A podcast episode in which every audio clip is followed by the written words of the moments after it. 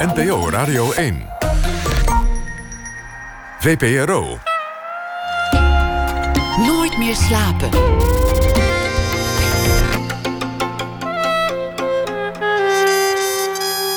Met Pieter van der Wielen. Goedenacht en welkom bij Nooit meer slapen. Een reiger bij de hotdogstand of een ringslang in het stadspark. Remco Daalder is bioloog en raakte gefascineerd door de dieren in de stad. Hij heeft een boek geschreven, De Wilde Stad, en u hoort hem na ene. Een app om een draagmoeder te vinden. Het is allemaal nog fictie. Carry Me heet de voorstelling. Roos Eimers is een van de hoofdrolspelers en zij komt op bezoek na ene. Jona Valken leest een verhaal voor bij de dag die achter ons ligt. Maar we beginnen komend uur met Mariam Hassouni. Hoekjes van Geluk heet eh, haar eerste kinderboek. En ze putte daarbij inspiratie ook uit haar eigen verhaal. Over een kind dat erachter kwam dat geluk overal te vinden is, maar niet vanzelfsprekend. Hassouni is uh, vooral bekend geworden als actrice. Geboren in 1985. Ze wordt wel de Juliette Binoche van Nederland genoemd. En ik snap wat ze bedoelen. Werd beroemd al uh, relatief jong met de serie uh, Dunia en Daisy. Later werd het ook een film. Op haar 21ste won ze al een Emmy voor de rol in de film Offers. Ze is daarna te zien geweest in heel veel andere producties, onder meer Flik en Maastricht. Nu is het te zien in de bioscoop in een feel-good movie, Alles voor elkaar.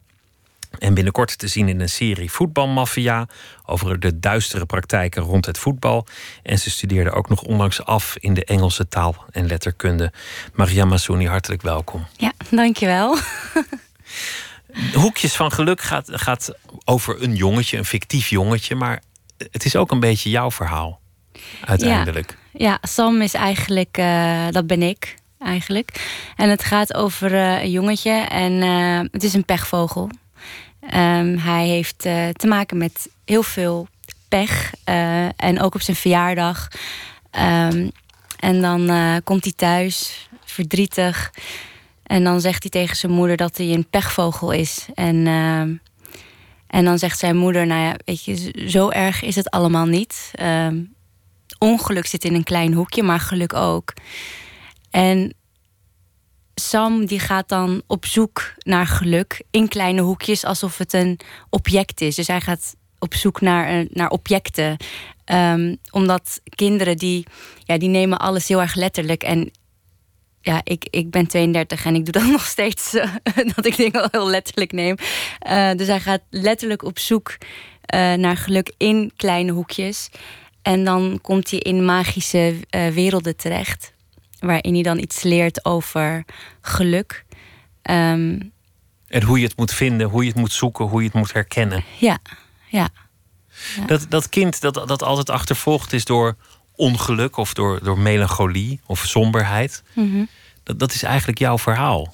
Ja, klopt. Maar daar heb je tot dit weekend nooit over, over gepraat, publiekelijk. Wel, wel met je vrienden wellicht, maar ja. de rest van de wereld wist het nog niet. Nee, nee. Dat. Uh...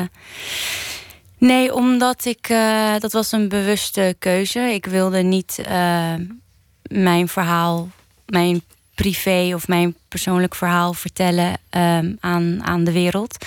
Uh, ook omdat ik het niet durfde.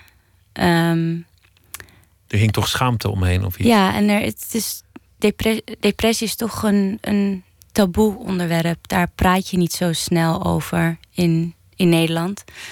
Um, dus ja, dus dan, dan, ja, dan ga je het voor jezelf houden. Dan ga je daar niet zo snel over praten. Um, maar dit boekje is. Kijk, toen ik. Ik heb het verhaaltje voor mezelf geschreven, vier, drieënhalf, vier jaar geleden. Omdat ik, ik, zat, ik, ik zat in een hele zware depressie. En ik heb mezelf letterlijk uit de put geschreven door mezelf eraan helpen herinneren wat, wat geluk is voor mij. Dus het is een heel persoonlijk verhaal en het is voor iedereen anders. Net zoals weet je, depressie voor iedereen anders is. Het kent heel veel verschillende gezichten en, um, en vormen.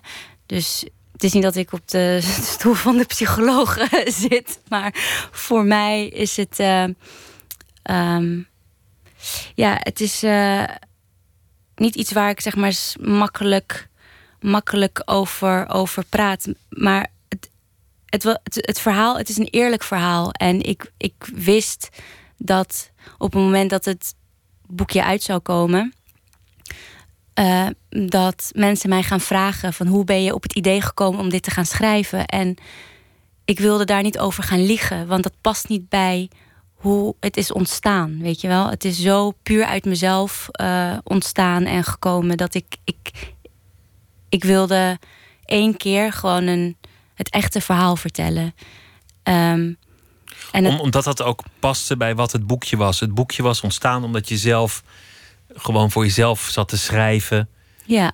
Misschien ook een beetje tekenen, al zijn de illustraties in het boek niet, niet allemaal van jou natuurlijk. Maar... Nee, die zijn allemaal van Ramona. Die heeft, Dat heeft zij prachtig gedaan. Maar je, je tekende wel waarschijnlijk oorspronkelijk iets.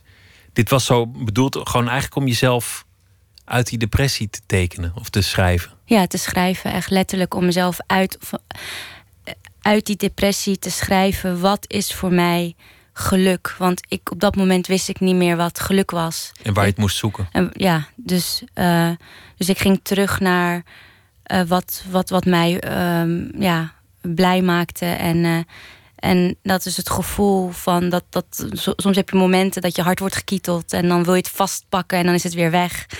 Of van suikerspinnen word, word ik heel erg gelukkig. Of ehm, ja, blijven dromen. Want als je depressief bent, dan stopt dat ook. Dan heb je gewoon geen. Uh, dan, dan, dan, dan, dan is dat, die wereld stort in. Dus je bent eigenlijk alleen maar aan het overleven en niet aan het dromen. En, uh, en daar heb ik verhaaltjes omheen uh, verzonnen. Heb je dat altijd al gehad, zolang je je kunt herinneren?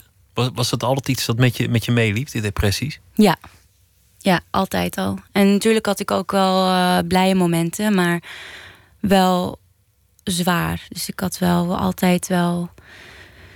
Ja, depressief. Maar het, het, het is niet. Kijk, mensen hebben een bepaald beeld van depressie. Dat het gewoon. Uh, dat je het kan zien aan iemand. Maar ik bedoel, ik, ik lach heel vaak. En ik ben ook vaak. Ik zie er vaak vrolijk uit. En uh, um, ik zorg goed voor mezelf. Dus mensen verwachten dat niet verwachten niet dat je dan van binnen eigenlijk uh, ja. miserabel kunt zijn. Ja. Want je hebt het imago door je werk, omdat je altijd in hele vrolijke series speelde en in, in feel good films speelt. Ik ben naar je, je laatste film geweest in de bioscoop. Dat is, een, dat is een film om, om te lachen, om je te amuseren. Ja. En ook dan ben jij het, het, het vrolijke meisje. Ja. Het aanstekelijk vrolijke meisje. Ja. ja, weet je, depressieve mensen die hebben wel de beste humor op de een of andere manier. Dus die, die kunnen dat heel goed. Maar ik denk ook dat, het, dat je leert om. om uh, um, ja, je, je, je bent zo bezig om het te verbergen dat je daarin ook uh, ja, de beste. Uh, dat je dat, dat je dat dat je daar heel goed in wordt. Uh, misschien dat je daarom zelfs wel zo goed in die rollen bent geworden. Ja, misschien ook wel. Ja, Omdat je, dat je die goede lach makkelijk ergens vandaan kon halen. Ja, ik, ik weet het niet. Het is. Uh, ja, het, het, kan, het kan beide, weet je wel. Je kan, het, je kan en kijk, wij, wij zijn heel erg geneigd om te denken in, in tegenstellingen. Dus, dus uh, dus, uh, dus als je, dep dus, je, hebt, je hebt depressie en dan heb je geluk of dan heb je uh, zwart of wit, maar het kan ook te, samen. Het is niet. Het is niet zozeer dat je, als je depressief bent, dat de rest ophoudt of zo. Het Alles plaatje hoeft niet te door. kloppen. Nee. Mensen hebben toch een beeld van iemand die depressief is met, met de lakens over zijn hoofd getrokken. Ja, met nee. het licht uit. Ja, nee, I have shit to do. Dus ik kan niet met de lakens uh, 24-7 in mijn bed. I have shit to do. Weet je, ik moet werken, ik moet mijn tekst leren, ik moet mijn scriptie schrijven. Uh, en dat gaat allemaal door. Dat, dat, dat kun jij gewoon door laten gaan terwijl die depressie er is. Ja. ja. Hoe, hoe kun je dan die depressie omschrijven? Waar zit die? Waar, waar zit het dan in? Nou ja, het, het, het, uh, het zit letterlijk. Het is alsof je gewoon een baksteen hebt doorgeslikt. Dat, dat zo voelt het. Op je maag. Ja, het zit echt. Maar voor fysiek. mij, hè? Dus voor mij is, voelt dat zo. Voor anderen kan het heel anders voelen. Maar voor mij is het echt alsof ik een baksteen heb doorgeslikt. En daar moet ik dan mee rondlopen. Dus alles wat ik doe, met alles wat ik doe, heb ik, draag ik, uh, heb ik een baksteen uh, in mijn maag zitten. Dat is een vorm ervan, maar het, het, het is ook ja, vermoeidheid of uh, het, het, het, het, het, het heeft verschillende vormen. Dus het is niet één ding, maar het zit er wel. Um, maar ik, wat ik wel, kijk, voor nu zie ik, zie ik het als. Het is een, een deel van wie ik ben. Ehm, en niet iets wat ik met me meedraag. En dat geeft mij al heel veel ehm, rust. Waardoor het ook, omdat ik het ook accepteer dat het er is en het er, en het er ook mag zijn, gaat het ook weer sneller weg. Want je denkt dat het er altijd zal zijn, dat het niet meer te verhelpen zal zijn, dat het niet meer zich zal oplossen. Nou ja, vandaag wel. Kijk, misschien dat ik er over een jaar er heel anders. Uh, dat, ik dan, dat, ik, dat ik daar heel anders over, over denk. Maar op dit moment helpt het mij door, door, het, uh, door, door het te zien als, als een onderdeel van, van, van wie ik ben. Maar ik weet niet hoe ik, hoe, ik er, hoe ik er over vijf jaar ermee omga, of tien jaar. Of maar dat denken maakt het beter. Denken dat het bij je hoort, dat het altijd met je mee zal lopen. Dat, dat melancholieke monster, dat, dat, dat maakt het voor jou draaglijker. Ja, want ik zie het niet meer als een, als een monster, maar meer als een, eigenlijk een, een kind wat aandacht wil. En, en, en, um, en die geef ik dan ook aandacht. Dus het is letterlijk gewoon een kind bij mij op schoot zetten en ja, zeg maar, wat is er aan de hand? En dat kind is je, je depressie? Ja, dus het is geen monster meer. Vroeger was het een monster. En daar, daar ga je dan tegen vechten en dat, dat dan word je helemaal gek. En nu is het een, een kind. Wat heb je allemaal geprobeerd door de jaren heen? Nou, ik ben al vanaf mijn dertiende ben ik in therapie.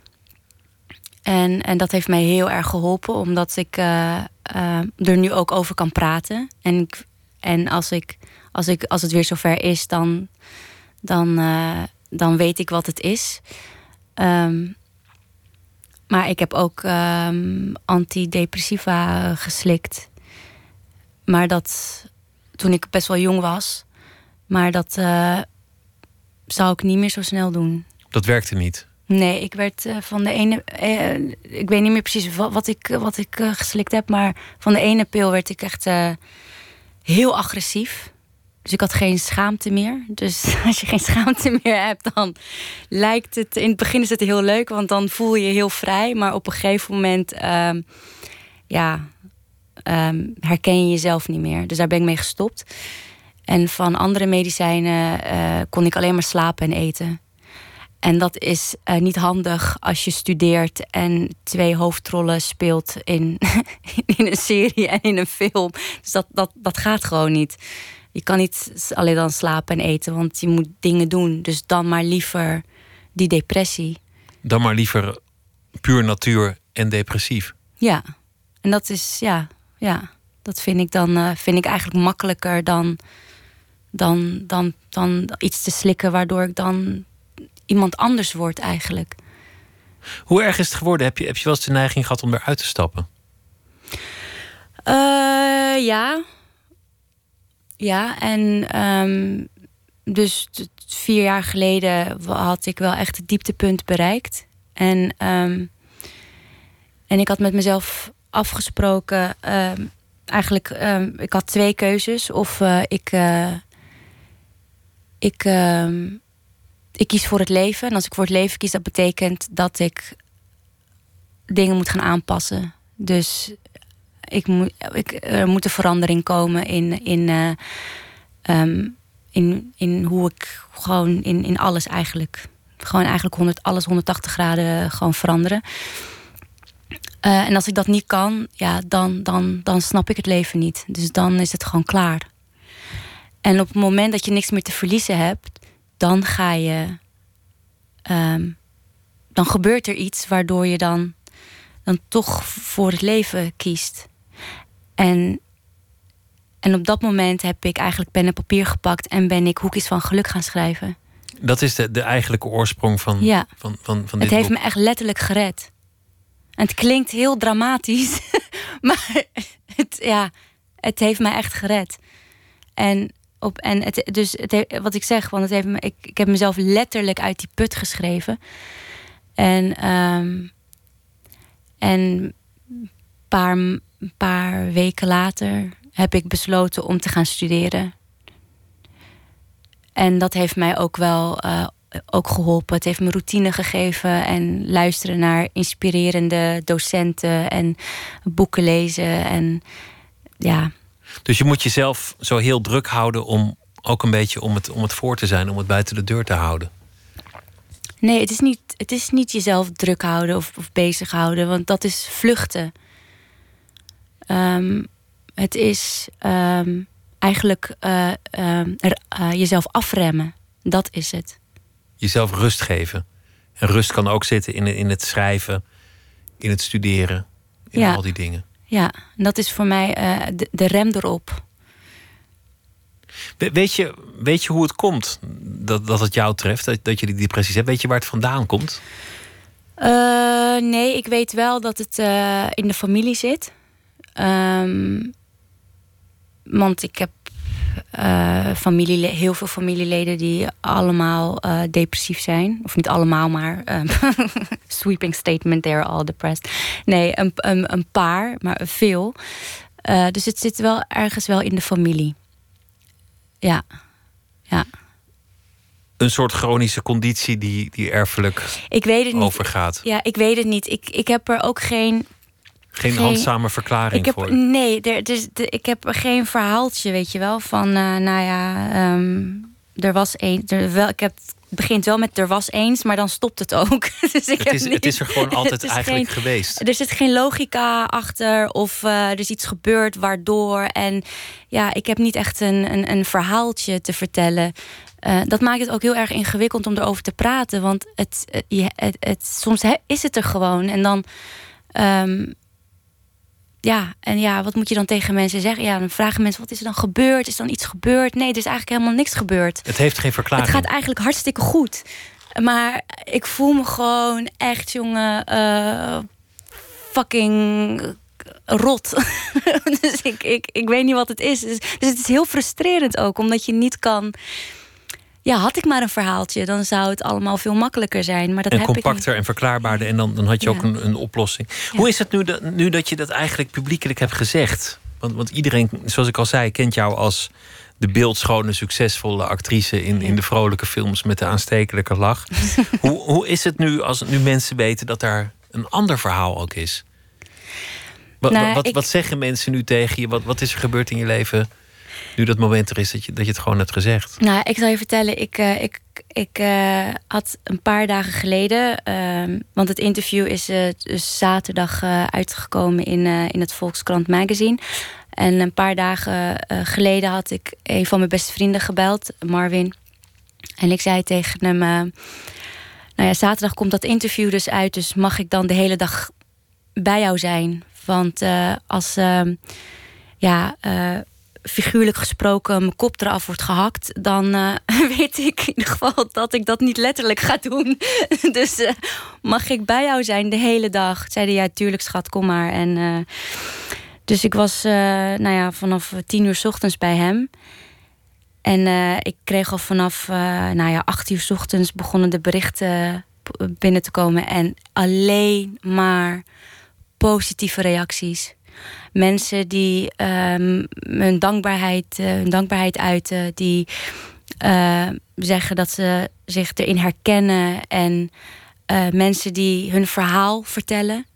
Dus ik heb echt brieven ontvangen. Ik heb echt honderden berichten ontvangen. En brieven waarin mensen dus hun verhaal vertellen over depressiviteit. En, en hoe, hoe blij ze zijn met dit interview. En ook omdat ze het zelf niet kunnen verwoorden. En dat ze een houvast hebben nu aan dit. Ik bedoel, ik heb dit, dit had ik echt nooit verwacht. En ik heb nu krijg ik nog steeds berichten binnen van mensen. En ik ga ze ook allemaal eh, beantwoorden. Ik moet het eerst even allemaal laten bezinken. Want ik heb dit in- nog nooit meegemaakt. Maar ik heb, er, zijn, er zijn tienduizenden mensen die dat hebben natuurlijk. Ja, Depressie maar dat komt is heel dus- vaak voor. Ja, maar er wordt toch soort van lacherig over gedaan. Of niet serieus genomen. Of eh, het is een taboe. Daar wordt niet over gesproken. Want dan ben je, ben je een zeurpiet. Of eh, stel je niet aan. Ah joh, komt goed. We zitten allemaal wel eens in een dipje. Hetzelfde als dat je kaart bent aangerand. En dat iemand tegen je zegt. Ah joh, worden we, worden we allemaal wel eens een keer in ons kont geknepen. Gewoon dat. Dan word je, voel je gewoon vies. Dus mensen die durven daar gewoon niet over te praten.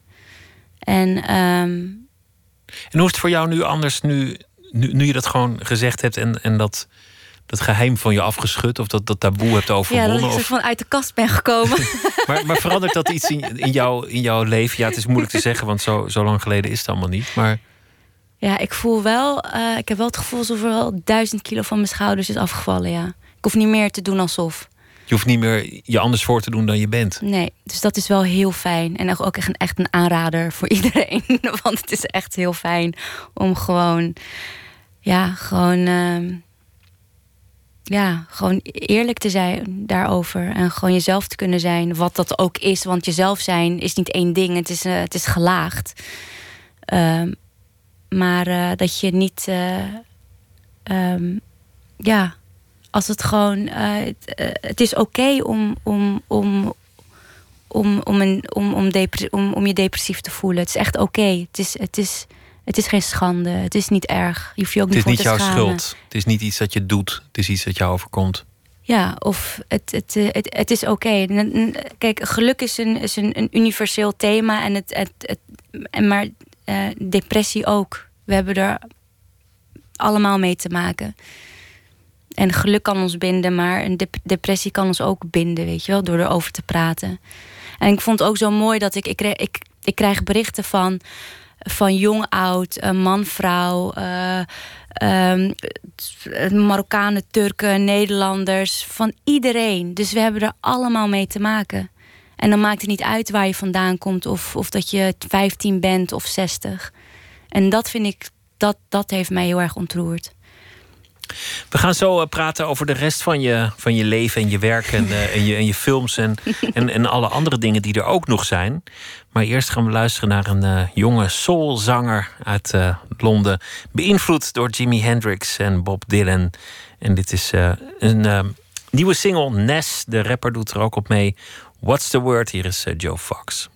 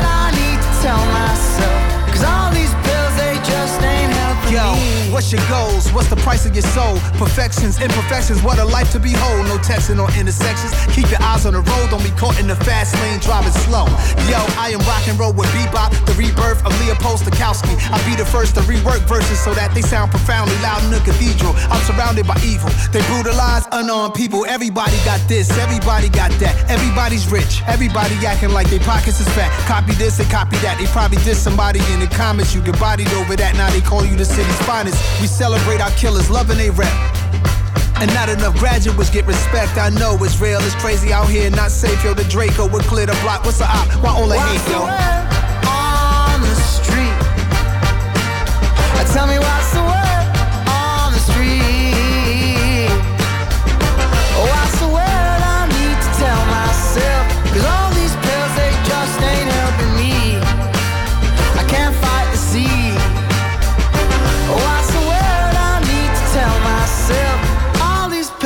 Just ain't helping me.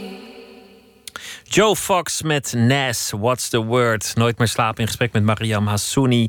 Naar aanleiding van uh, Hoekjes van Geluk, het uh, kinderboek dat ze heeft geschreven. Maar er zijn veel meer dingen te vertellen die ze momenteel uh, aan, het, aan het doen is. Je groeide op in, in Amsterdam. Ja. Amsterdam Zuid. Ja. Je vader was conciërge. Ja. Ook op jouw school of een andere school? Nee, een andere school. Ja. Op, volgens mij, hij is nu conciërge op de nog steeds conciërge? Ja, hij is nog steeds conciërge. Ja, ja, ja, ja, ja. Nog, volgens mij moet hij nog een jaar werken en dan gaat hij uh, met pensioen. Ja, ja. Ja, in, uh, ja opgegroeid in Oud-Zuid. In uh, ja, een hele chique buurt. Maar wij hadden een sociale huurwoning. Dus wij hadden, we waren best wel arm. Um, ja, dan zit je in, in Oud-Zuid. dus je, je zat in Oud-Zuid, maar toch ook tegelijk niet, niet helemaal in dezelfde omgeving? Nee, geen Wedgwood servies of, of, of, andere clichés die je daarop zou kunnen plakken? Nou ja, het is, weet je, je bent gewoon. Uh, um, ja, het, het is. Ik, ik, ik heb ook een voorbeeld gegeven in, in dat interview. Dat je dan op vrijdagmiddag heb je dan uh, speelgoedmiddag. Uh, en dan komen echt kinderen met nou ja, hele poppenkasten en Barbies en echt de nieuwste, nieuwste speelgoed. Ik had echt letterlijk niks. Geen speelgoed? Geen speelgoed, nee, want daar was gewoon geen geld voor. Speelgoed, nee. Dat, dat, ik had, ik had een, een pop of uh, en een, een soort van kinderboerderijtje had ik. Met uh, een paar schapen en koetjes en waar ik mee kon spelen. Maar dat was gewoon geen prioriteit. Speel is veel te duur. Maakte dat uit? Lag je dan buiten de groep? Of, of dacht iedereen, nou hier heb je mijn pop, ik heb er toch zes? Nou ja, ik kan me er zelf niet zo heel veel van herinneren. Maar mijn moeder die vertelde dat ik, dat ik uh, wat ik deed, is naar mijn eigen pop kijken. En dan kijken naar het speelgoed van andere kinderen. En dan weer terug naar mijn eigen pop. Of naar wat ik had. En dan weer. Dus ergens maakte ik wel een soort van. Uh, Connectie tussen die twee. Iets van. Er klopt iets niet hier. Dit klopt niet met wat ik, wat ik heb. Klopt niet met wat ik, wat ik daar zie. Dus ik voelde wel waarschijnlijk dat uh, verschil tussen nou ja, rijk en arm. En dus dat kan je hebben, overvloed en nou ja, schaarste of iets. Dus mijn moeder zei dat ik dan heel erg ging uh, um, nou ja, echt staren. Dus naar, naar wat ik heb en naar wat de ander heeft. En waarschijnlijk vormde daar dan een, vormde ik een mening daarover. Een, een soort rekensom of, ja. een, of een soort plan. Wat ja. zeiden je ouders daarover? Tegen jou? Wat, wat gaven ze jou mee? Nou ja, ik zei tegen mijn moeder van... Uh, ik wil ook een Barbiepop. Ik wil ook een Barbiepop. En dan zegt mijn moeder... Inshallah, dan krijg je, inshallah, krijg je een Barbiepop. En nou ja, dat, uh, ik, heb nog, ik heb nooit een Barbiepop gekregen. Dus op een gegeven moment was ja, met die inshallah van jou. Ik, uh, ja, als, ik op inshallah, als ik op inshallah moet wachten, dan gebeurt er nooit iets. Allah heeft gewoon anders beschikt. ja, dus, het is, dus ik heb hem nooit, uh, nooit gehad. Nee, maar bij ons thuis was uh, uh, educatie prioriteit. Dus mijn vader kocht wel uh, boeken en vormen. En dus dat, dat, dat wel. Want leren was belangrijk. Leren was de manier om jezelf in de wereld ja. te redden. Ja, ja, educatie is vrijheid. En, Zei hij dat ook zo? Educatie is vrijheid? Ja. ja. Dat, dat heeft hij natuurlijk wel gelijk in. Ja. ja, dat vind ik ook. Ik vind ook dat educatie best wel, ja, best wel belangrijk is. Kon je meteen goed leren? Had je dat meteen door? Mm, ik, ik weet niet of ik goed kon leren, maar ik, ik uh, was wel heel nieuwsgierig. Um, ik was heel nieuwsgierig en ik wilde gewoon alles weten. Dus ja, dan ja, als je, als je leergierig bent, dan is dat perfect in, in, een, in zo'n systeem. Waar je dus naar school moet gaan en dingen moet leren. En onthouden, ja. en, en onthouden en stampen. Dus ik kon wel heel goed stampen. Um, maar ja, je stamp, ik weet niet of dat een, een, een, een, een goede methode is om te leren. Want dat, ja, je vergeet het toch weer. Uh, maar ik kon wel heel goed, uh, nog steeds, uh, verbanden leggen. Dus dat is, daar ligt eigenlijk mijn kracht. In het leggen van verbanden en, uh, en analyseren en onderzoek doen. Beter dan bijvoorbeeld een uh, rekensommetje. Bij mij moet je echt niet met een rekensommetje aankomen, want ik zou echt niet weten waar ik moet beginnen. Dat, uh... Daar ben je niet in getraind. Was je vader zelf geleerd? Ja. Want, ja. Wat had hij gestudeerd? Volgens mij Arabisch, niet afgemaakt, want hij wilde naar Nederland komen. Um, dus ja, dus Dus hij kwam naar Nederland en nou ja, Europa.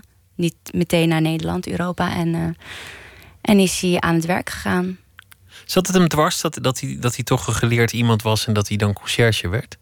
Vond hij dat jammer, omdat hij, dat hij niet iets echt kon doen met die studie of met, met al die kennis?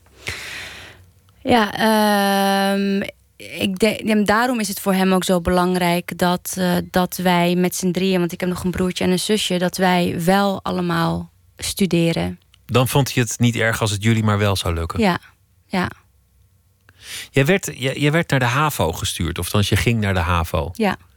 Terwijl nu is gebleken, je hebt een universitaire studie afgerond, dat, dat je makkelijk meer had gekund. Ja, ik moest naar de HAVO. En, ehm, en ik mocht na twee maanden al naar het Atheneum.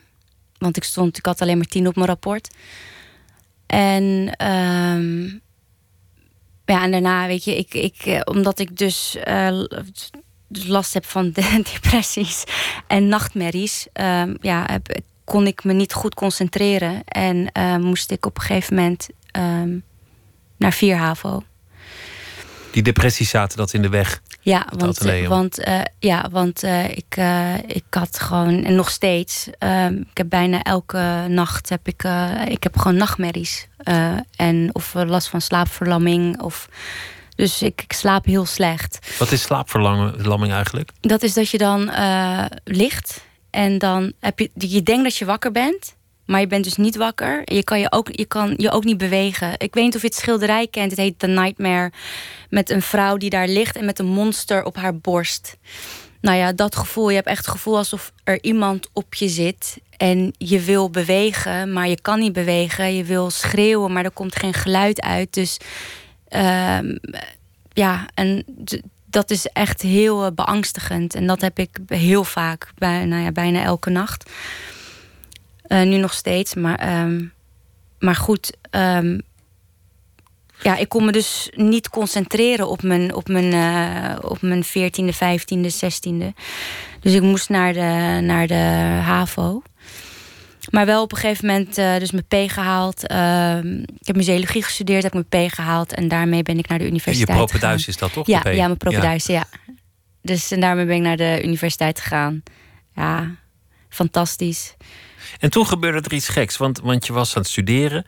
Dat lukte ook, ondanks dat je, dat, nou ja, dat je, je, je, je handicap zat met, Mhm. met, met die depressies en, en, en slapeloosheid. En toen kwam er ineens een, een, een rol op je pad. Ja, maar dat is het leven. Het is echt fucked up. Het, het ding is, is dat ehm, ik was iets van zeven jaar of zo, had ik nauwelijks werk. Ik kon er niet, niet van leven in ieder geval. En, ehm, en nou ja, ik, ik, ik nou, dat kinderboek ben ik gaan schrijven en ik ben teruggegaan of terug, ik ben gaan studeren. Ik denk van oké, ik ga nu mijn leven helemaal aanpassen. Ik ga niet meer wachten op, eh, op die ene mooie rol. Ik, eh, ik heb een mooie carrière gehad en eh, nou ja, het is tijd voor iets nieuws. Dus ik ga studeren en, en ze bellen voor Flikker Rotterdam.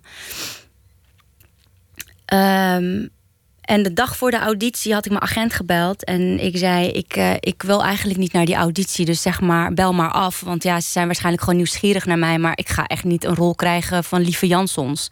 Weet je wel, dus not gonna happen. En eh, mijn agent eh, Amber, die zei... Mariam, maar dat kan echt niet. Want ze, ze, ze, rekenen erop dat je, dat, je er, dat je er bent. Dus je kan, dat kan echt niet.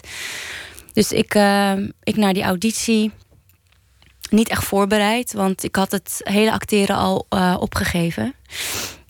En ehm nou, die auditie eh, gedaan en een week later word ik gebeld dat ik die rol heb. Maar ik en ik En je plan weer aan het duigen. Nee, helemaal niet. Want ehm, ik heb aangegeven van, eh, nou ja, het, het, is, het klinkt als een mooie rol. En het is ook echt een fantastische rol om te spelen. Maar ehm, ik doe alleen mee als jullie om mijn, eh, om mijn ehm, sche- studieschema eh, kunnen plannen. Anders moeten jullie op zoek gaan naar iemand anders. Want ik ga niet weer een studie stopzetten voor een rol. Want ik heb eigenlijk gewoon geen vertrouwen in dat. Nou ja.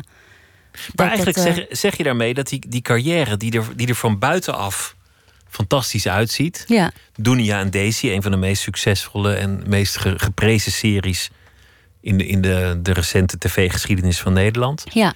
Een, een Emmy op je 21ste. Wie kan nou zeggen dat hij een Emmy in de kast heeft staan? Vervolgens eh, Flikken, ook weer zo'n succesvolle Ja. serie. Maar elke keer is er bij jou een soort twijfel van... zal ik er al mee stoppen, want het wordt toch niks meer. Ja, maar dat zijn, kijk, dat zijn eh, momenten in het, in het leven. En ehm zo'n bijvoorbeeld een, een seizoen draaien van, eh, ehm, van zo'n serie, als je dan de hoofdrol hebt, is dan vier maanden. Maar wat ga je dan acht maanden doen? Dan ben je werkelijk, wat ga je dan doen?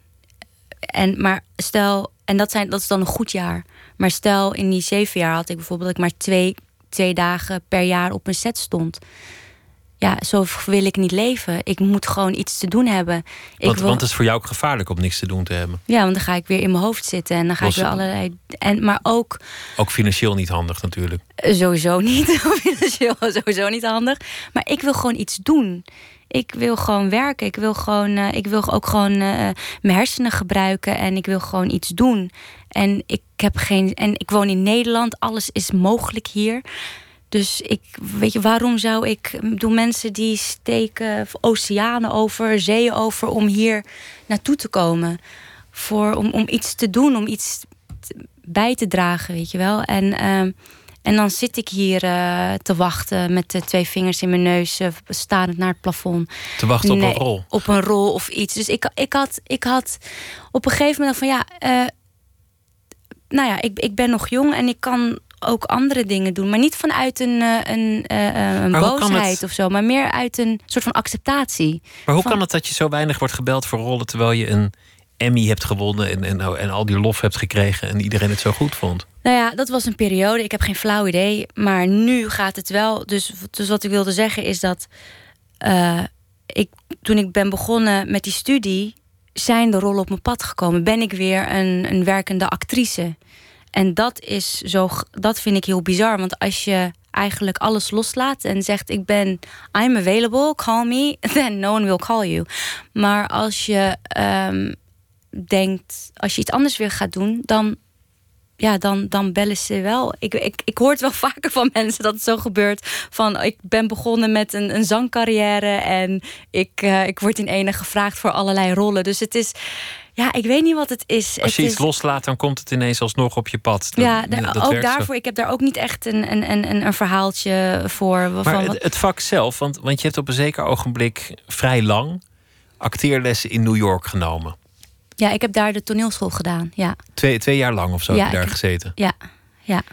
En, en dat was volgens mij voor jou een fantastische periode. Ja, ik heb daar twee jaar de toneelschool gedaan en daarna één jaar eh off-Broadway theater. Dus ik zat daar drie jaar.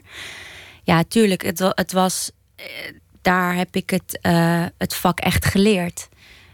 Op die school, omdat ik, ik, ik, ik vertrouwde eigenlijk daarvoor alleen maar op mijn intuïtie.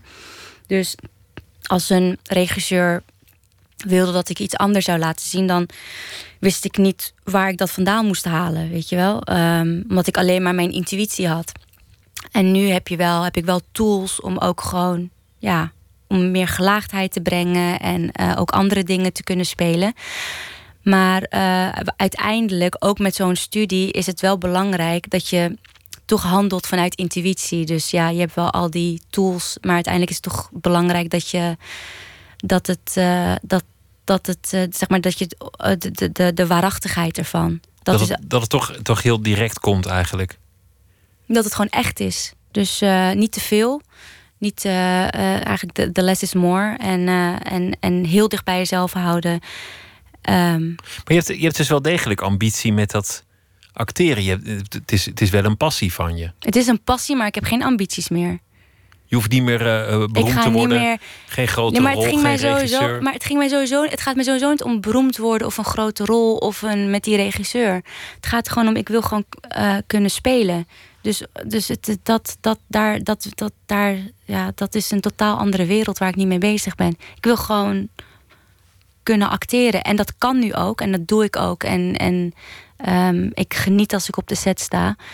Ehm, maar als dat niet zo is, dus als ik dan niet op de set ben, of eh, ik weet niet, want nu gaat het heel goed. Maar het kan zo zijn dat over vier jaar dat het eh, dan weer minder gaat. Maar het is oké. want ik heb geaccepteerd dat ik niet meer aan het bouwen ben voor die carrière. Want ik geloof niet meer in zoiets als een carrière. Het is niet iets wat je kan aanraken. Het is niet iets wat je kan meenemen of in je zak kan, kunt stoppen. Het, is het komt of het komt niet.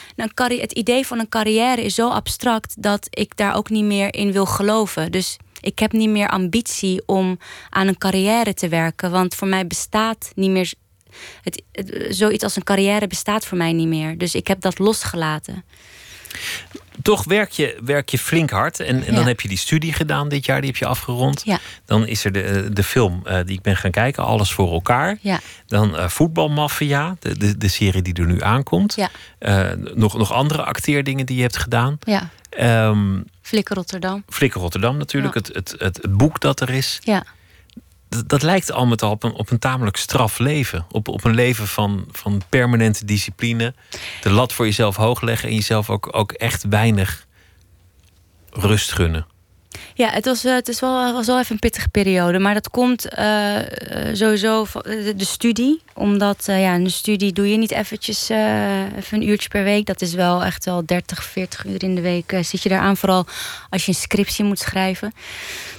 Ehm, ja, en... Maar goed, ja, het, het is, ik, ik weet niet of ik dat nog zo zou willen doen hoor. Zo, zoveel eh, tegelijkertijd. Want... Maar ben je streng voor jezelf?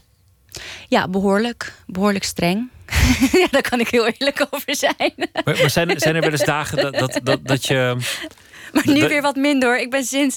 Ik had eh, drie weken geleden mijn laatste draaidag voor Flikker Rotterdam. En toen heb ik echt wel met mezelf afgesproken: oké, nu gaan we afkicken. Nu gaan we afkicken. We gaan nu niet meer. eh, eh, we gaan nu gaan we rustig aandoen. Want het, is, het was wel even pittig. Het was wel even te veel. Ja. Want een, een liefde was in jouw leven tot nu toe niet mogelijk. Mede door die depressies. dat is nooit klopt. gelukt. Klopt. Ja, dat is. eh, dat vind ik. eh, eh, liefde vind ik een heel ingewikkeld iets. Ja, kijk, ik heb het. het een, een- ik merk. Of ik merk het, waar het vaak fout gaat, is dat bijvoorbeeld als ik iemand ontmoet in, in, in, in een sombere periode, dan ontmoet ik iemand die heel zorgzaam is, lief en nou ja, dus voor me wil zorgen. Maar dan door zo'n periode is niet.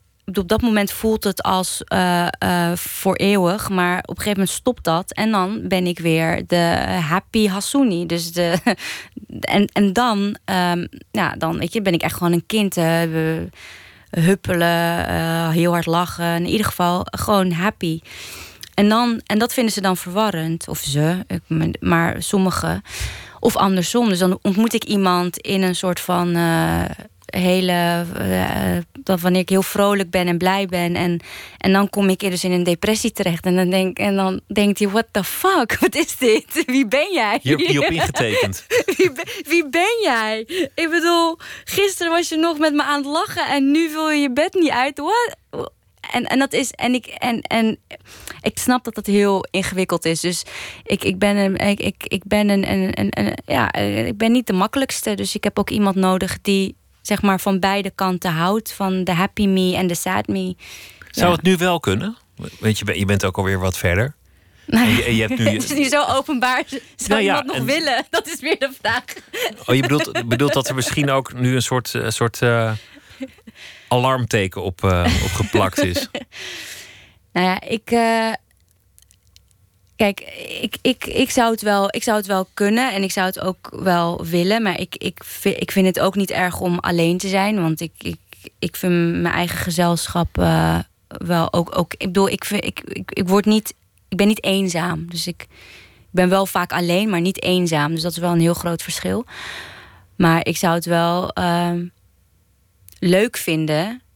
Kijk, alleen als het leuk is, als het eh, te veel moeite kost, of het wordt vervelend, of het wordt dan niet. Maar ehm, als het. ehm, ja, ik. ik ja, het, ik vind het moeilijk om daar antwoord op te geven. Want je, je kan het pas weten als je iemand ontmoet. Nou ja, je dan kan pas het- weet je van. Je kan het ja, niet ik- forceren, ik, maar, ik kan het of ik, of ik kan het niet. Ik denk. maar je, hebt wel, je hebt wel een, een, een voortplantingswens, toch? Ja, ik zou wel heel graag kinderen willen. Dus dat, dat is. Dat zou ik ook wel het liefst met, een, met iemand willen doen. En niet in mijn eentje gaan opvoeden. Dat wil ik wel echt wel met, met iemand doen. Dus dat. Ja, dan heb je helaas heb je daar een man voor nodig. Ja, hoeft niet per se natuurlijk. Nee, je hebt ook al- Vele mogelijkheden. Maar is, is, is- zou dat nu inmiddels mogelijk zijn of, of met, met je depressies om dat, om dat te doen? Ik denk het wel. Ik denk wel dat dat kan. Ehm, omdat ik mezelf. ehm, omdat ik weet hoe ik, hoe ik. Ik heb, niet iemand, ik heb niet iemand nodig die voor mij moet zorgen. Ik kan voor mezelf zorgen. Maar dan moet je ook voor iemand anders weer zorgen. Ja, en dat kan ik. En dat, vind, en dat, en dat wil ik ook. Ehm, maar ehm, de, dus, dus het is niet. Het is niet dat. eh, het is meer voor, voor mij. Wat, kijk, het, het, het, het, het gaat mij niet zozeer om. om, om ehm, kijk, ik ben oké alleen. En, ehm, eh, en, en, en- dus ik heb het niet. Ik hoef niet per se een, een relatie. En ik wil alleen, ik zou alleen maar een relatie willen als het, als het, als het, als het zeg maar iets toevoegt. Of dat je samen gelukkiger wordt. Of samen, ehm, ja, ik weet het niet. Ehm, iets kan creëren of, of ik weet het niet. Ik vind dat een heel, ik vind dat een heel moeilijk thema, omdat ik, pff, ik heb dat nooit echt ervaren, weet je wel. Ik, ik, ik weet niet, ik heb daar niet in geoefend in een lange relatie. Ik, ik weet het niet. Dus daarin ben ik eigenlijk nog, zit ik nog in een soort van preschool. Als het gaat over de liefde, zit je nog Ja, in- zit ik nog een soort van preschool. Want ik, ik weet het niet. Ik heb heel hard gewerkt. Ehm, dus ik weet wel, ook qua, qua werk en vrienden en andere dingen kan ik wel heel makkelijk over praten. Maar als het gaat om de liefde, dan blokkeer ik in mijn hoofd. Want ik, ik heb dat, ik heb daar geen, ja, Geen antwoorden op. geen antwoorden op, he- helaas. Hoe is het nu, ehm, als, als jij je, je, je vader ziet en je moeder ziet, hoe, hoe, hoe kijken die nu naar, naar jou? Want, want, ze, hebben- je hebt ze natuurlijk ook allerlei, je, je leven is allerlei richtingen opgegaan. Ja, Allerlei kanten op naar New York, weer terug. eh, filmcarrière, toch weer niet, toch weer wel. Studeren, ja, de depressies. Al die dingen die zijn gebeurd in jouw leven. ja. Hoe staan zij tegenover jou? Ehm, ja, ik, eh, ik denk dat ze wel ehm, heel, heel trots zijn. Maar ze vinden wel dat ik wel wat rustiger aan moet doen met werk. Dus eh, dat ik gewoon even, ja, even op de rem moet. En daar hebben ze ook wel gelijk in. Dat is een punt van terechte zorg. Ja, gewoon wat rustiger aandoen. En zij kennen, zij weten dus van mijn eh, nachtmerries en mijn depressies. En dat hebben ze altijd heel erg serieus genomen, vooral mijn nachtmerries.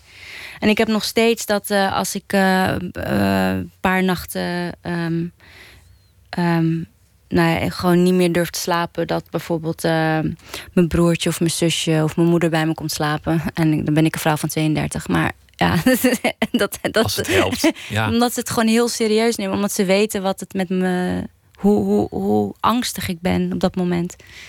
Dus zij zien jou voor wie je bent. Ze zien jou niet voor wat ze hadden gehoopt dat je zou worden. Of een beeld dat ze voor ogen hadden. Nee, het is gewoon on, onvoor- onvoorwaardelijke liefde. Het is, eh, dat, dat is, ja. Ze zijn heel. Denk ik hoor. Ik, ik praat namens mijn ouders nu. Ja, daar moet je mee denk- oppassen, maar- Ik denk, ik denk dat ze heel trots zijn op me. Maar ik vraag het ze morgen even. Maar volgens mij zijn ze wel. Zijn ze wel. eh, ja. Ja. Trots op wel- alles wat je doet. Ja, zeker. Ja. In ieder geval, zo, zo komt het wel over. Maar Nou ja, dat- kun je vast wel goed erg- Ik inschatten. begin nu heel erg te twijfelen. Maar volgens mij zijn ze wel gewoon heel trots. Als het anders zit, had je het vast wel gehoord, toch? Mensen vertellen je dat wel. ja. Ik ga ze zo even bellen. We gaan luisteren naar eh, muziek uit Zweden. En het eh, klinkt in de verte als Michael Jackson, Snow Allegra. En dit nummer heet Fool for You.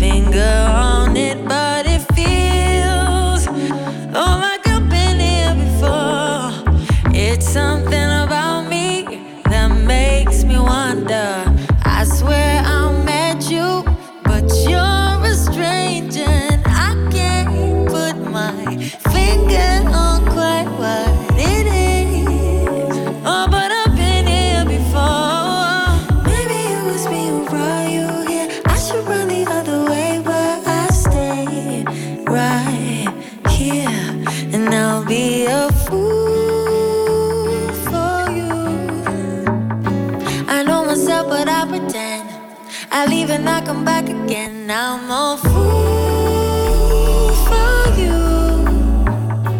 I love you time and time again. I know just how the story ends. Oh, oh you remind me someone I once knew. Maybe I'm crazy, but it's hard to ignore you, and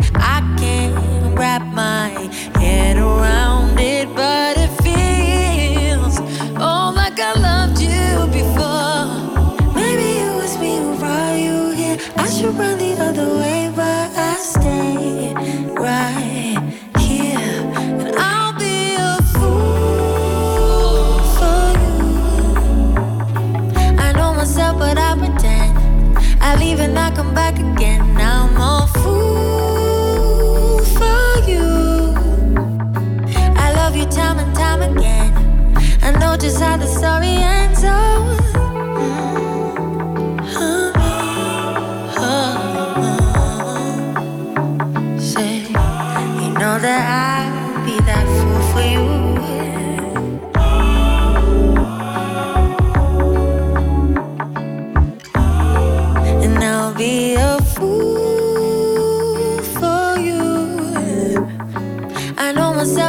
pretend. I leave and I come back again. I'm a fool for you. I love you time and time again. I know just how the story ends. Oh,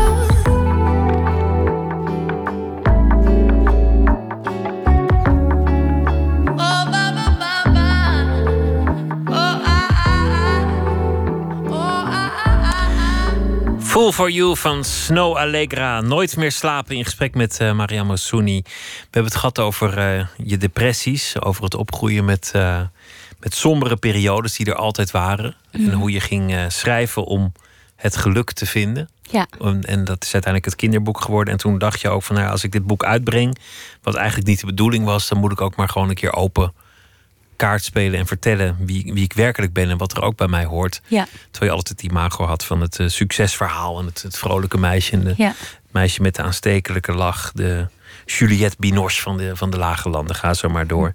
En toen hebben we, toen hebben we gesproken over, eh, over je loopbaan, die eigenlijk met, met pieken en dalen is gegaan. En juist het moment dat je dacht, nou ja, het maakt niet meer zoveel uit, dan maar niet. Mhm. Toen trok het enorm aan. Maar toen kwam er ook nog die studie, die heb je recent afgerond. Ja. Is dat iets dat je blijft doen, studeren ernaast? Eh, ik, heb, eh, eh, ik ben dus pas afgestudeerd. En ehm, ik ga nu even een jaartje niks doen. Of niks doen, gewoon alleen maar werken en niet studeren. Want ehm, ehm, ja, ik vond het best wel pittig om een, een fulltime studie te doen en, en daarnaast fulltime te acteren. Ehm, maar misschien dat ik volgend jaar eh, een research master ga doen aan de UvA. Maar ik moet daar nog over nadenken. Ik moet even kijken hoe, eh, hoe het leven dan eruit Hoe het leven ziet. gaat. ja, hoe het er dan eh, in hoe het er aan, aan toe gaat in huizen Hassouni. Dus ik, ik, ik, maar in ieder geval alles kan. En misschien dat ik over tien jaar weer terug ga om te gaan studeren. Ik bedoel, ik, ik, Je weet het alles toch niet? is mogelijk. Ja. In de film Alles voor elkaar, een eh, onvervalste feel-good film. eh, Daar, daar, daar zijn- is een groep vriendinnen en die, die nemen op zich op een gegeven moment voor. Nou, kom, we nemen een periode en maken gewoon een deadline. En dan hebben we alles voor elkaar. Dan gaan we al onze plannen verwezenlijken. Ja. En dan moeten al die dromen maar eens uitkomen. Het wordt natuurlijk één grote hilarische ravage. Ja. Zoals in zo'n film eh, Ja. gaat met de, de altijd geestige Leo Alkema erin. fantastisch. Ja. En, en het grappige aan die film is natuurlijk dat dat moment er nooit komt dat je hele leven op orde is. Nee. Dat, dat is al de, al, al de eerste fout die deze meisjes maken om, om te Ja, denken dat er zo'n moment bestaat. Heel naïef. En, en die ravage die, die ontvouwt zich. Ja, ja, heel, ja ehm, eh, wel heel herkenbaar. Want ik heb ook altijd gedacht dat het leven pas kan beginnen als je een soort van een perfect eindproduct bent. En ik ben er eigenlijk achter gekomen, vooral ehm, tijdens het schrijven van mijn scriptie, wat ook over identiteit eh, eh, ging. En over. eh, dus ik heb, ik heb ehm, denkers gebruikt zoals Homi Baba en Spivak. En, en, en die. ehm, ja, dus die praten ook in, in zeg maar dat er niet zoiets bestaat als een final eh, eh, product. Er is niet zoiets als een, een fulfilled identity. Je hoeft Dus, niet te definiëren wie je bent, want het Nee. staat niet vast. Nee, en ook de bijvoorbeeld ook de definitie van, van identiteit is dat het ondefinieerbaar is. Het is een beetje, er, er zit geen eh, betekenis veranderd. Dus jij als mens eh, verandert ook. En dat, dat is eigenlijk je staat van zijn. In een continue staat van aporia. Dus je bent continu maar in die twijfel, in die verandering. Dus eh, het leven is al begonnen. Later is nu. Was vroeger zo'n liedje. Ja, nou, ja bijvoorbeeld. en, dus je hoeft niet te wachten tot je een, een soort van final of een afproduct bent om dan te gaan beginnen met het leven. Want dan, eh, ja, dan word, je, word je alleen maar teleurgesteld, want dat, je zal nooit af zijn. En dat geldt dan ook voor, want, want daar ging die scriptie waarschijnlijk ook over. Alle labels die mensen elkaar opplakken. Van je hoort daarbij en niet daarbij en wel daarbij. En je bent dit. Nou ja, het ging, het ging meer over dat, eh, dat veel. eh, dat, ja, het gaat over mimicry, hybridity en subalternity. Het is veel te ingewikkeld om nu nog in twee minuten uit te leggen. maar in ieder geval niet meer denken in echt in, in, in, in, in, in soort van binaire opposities, maar meer in, in, in, eh, ja, in, eh, in, in troebel, in aporia, in twijfel, in beweging, in plaats van in, in, in, ja, in, in, in tegenstellingen. Dus als je dit niet bent, dus je, je, weet, je, je weet wat pas wat zwart is als je weet wat wit is. Dus dat, maar dan, en daar ga ik dus tegen in. Bij jou is het water in plaats van beton. Ja, like Bruce, Bruce Lee zei. Wat zegt hij Bruce Lee ook alweer? Be like water, my friend. Zoiets, maar dan, dan wel ingewikkelder. ja. Dankjewel dat je te gast Ja. wilde zijn, eh Maria Dankjewel. Massouni. Het was me een, een genoegen. En het eh, boek Hoekjes van Geluk is eh, overal te krijgen.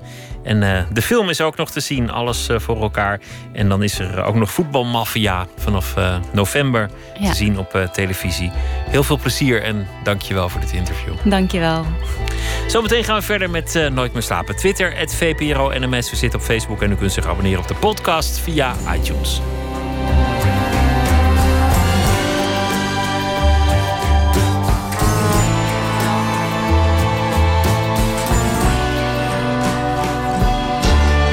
Radio 1. Het nieuws van alle kanten.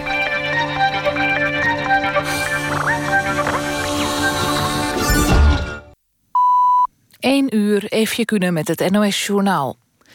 In Marokko zijn meerdere ministers en topambtenaars ontslagen... omdat ze te weinig hebben gedaan voor het Rifgebied. Inwoners van het gebied in het noorden van Marokko... voelen zich al een tijd achtergesteld. Na wekenlange protesten vorig jaar beloofde de koning snel te investeren in het gebied. Maar uit onderzoek van de Marokkaanse Rekenkamer blijkt dat daar nog weinig van terecht komt. De koning van Marokko heeft onder meer de minister van Onderwijs en de minister van Gezondheid de laan uitgestuurd. Premier Rutte is tevreden over de gesprekken die hij heeft gevoerd met de 23 kandidaat-bewindslieden voor zijn nieuwe kabinet. Na afloop zei hij dat het lang heeft geduurd, dat hij blij is dat het klaar is. Hij benadrukte dat de formatie nog niet helemaal af is. De beoogde ministers komen morgen samen om vast te leggen wie wat precies gaat doen. Het zogenoemde constituerend beraad. Donderdag dan worden de bewindslieden beëdigd door de koning. De politie heeft de naam en foto gepubliceerd van een man van 20... die wordt verdacht van het neerschieten van een student in Groningen. De student van 21 werd zonder noemenswaardige aanleiding neergeschoten. Dat zei de politie vanavond in opsporing verzocht. Hij raakte zwaar gewond en is blijvend verlamd aan zijn onderlichaam.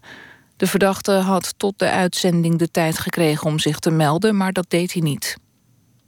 Voetbal. FC Twente heeft de derde ronde van het KNVB-bekertoernooi gehaald. De club won met 3-0 van Eindhoven. Ook PEC Zwolle is door. Al had de club het lastig tegen Kozakken Boys. Het werd na verlenging 3-2. Fortuna Sittard rekende af met Go Ahead Eagles... en is dus ook door in de KNVB-beker. Cambuur schakelde FC Den Bosch uit... en ook RKC Waalwijk en NEC zijn door. Het weer. Vannacht is het bewolkt met kans op lichte regen. Het koelt af tot 14 graden. Morgen eerst grijs en regenachtig. Later breekt in het noorden af en toe de zon door. Het wordt 15 tot 17 graden. Vanaf vrijdag meer zon, maar ook buien en het wordt frisser. Dit was het NOS Journaal. NPO Radio 1. VPRO. Nooit Nooit meer slapen.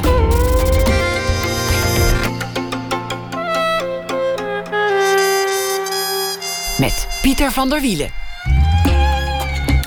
Zometeen de reiger bij de hotdogkraam of de ringslang in het Diemerpark. De stadsdieren rukken op en worden steeds brutaler. Remco Daalder schreef erover een boek. Hij is bioloog. De Wilde Stad heet dat boek. En we gaan op expeditie. Stel dat er een app zou zijn om een geschikte draagmoeder te vinden. Wat zou dat doen met de relatie als die draagmoeder ook even bij je in kwam wonen? Roos Eimers die, uh, is een van de actrices in de voorstelling Carry Me. En ze komt uh, zometeen op bezoek. De voorstelling is geschreven door Hanna Bervoets. En Jona Valken leest een verhaal bij het nieuws van de afgelopen dag.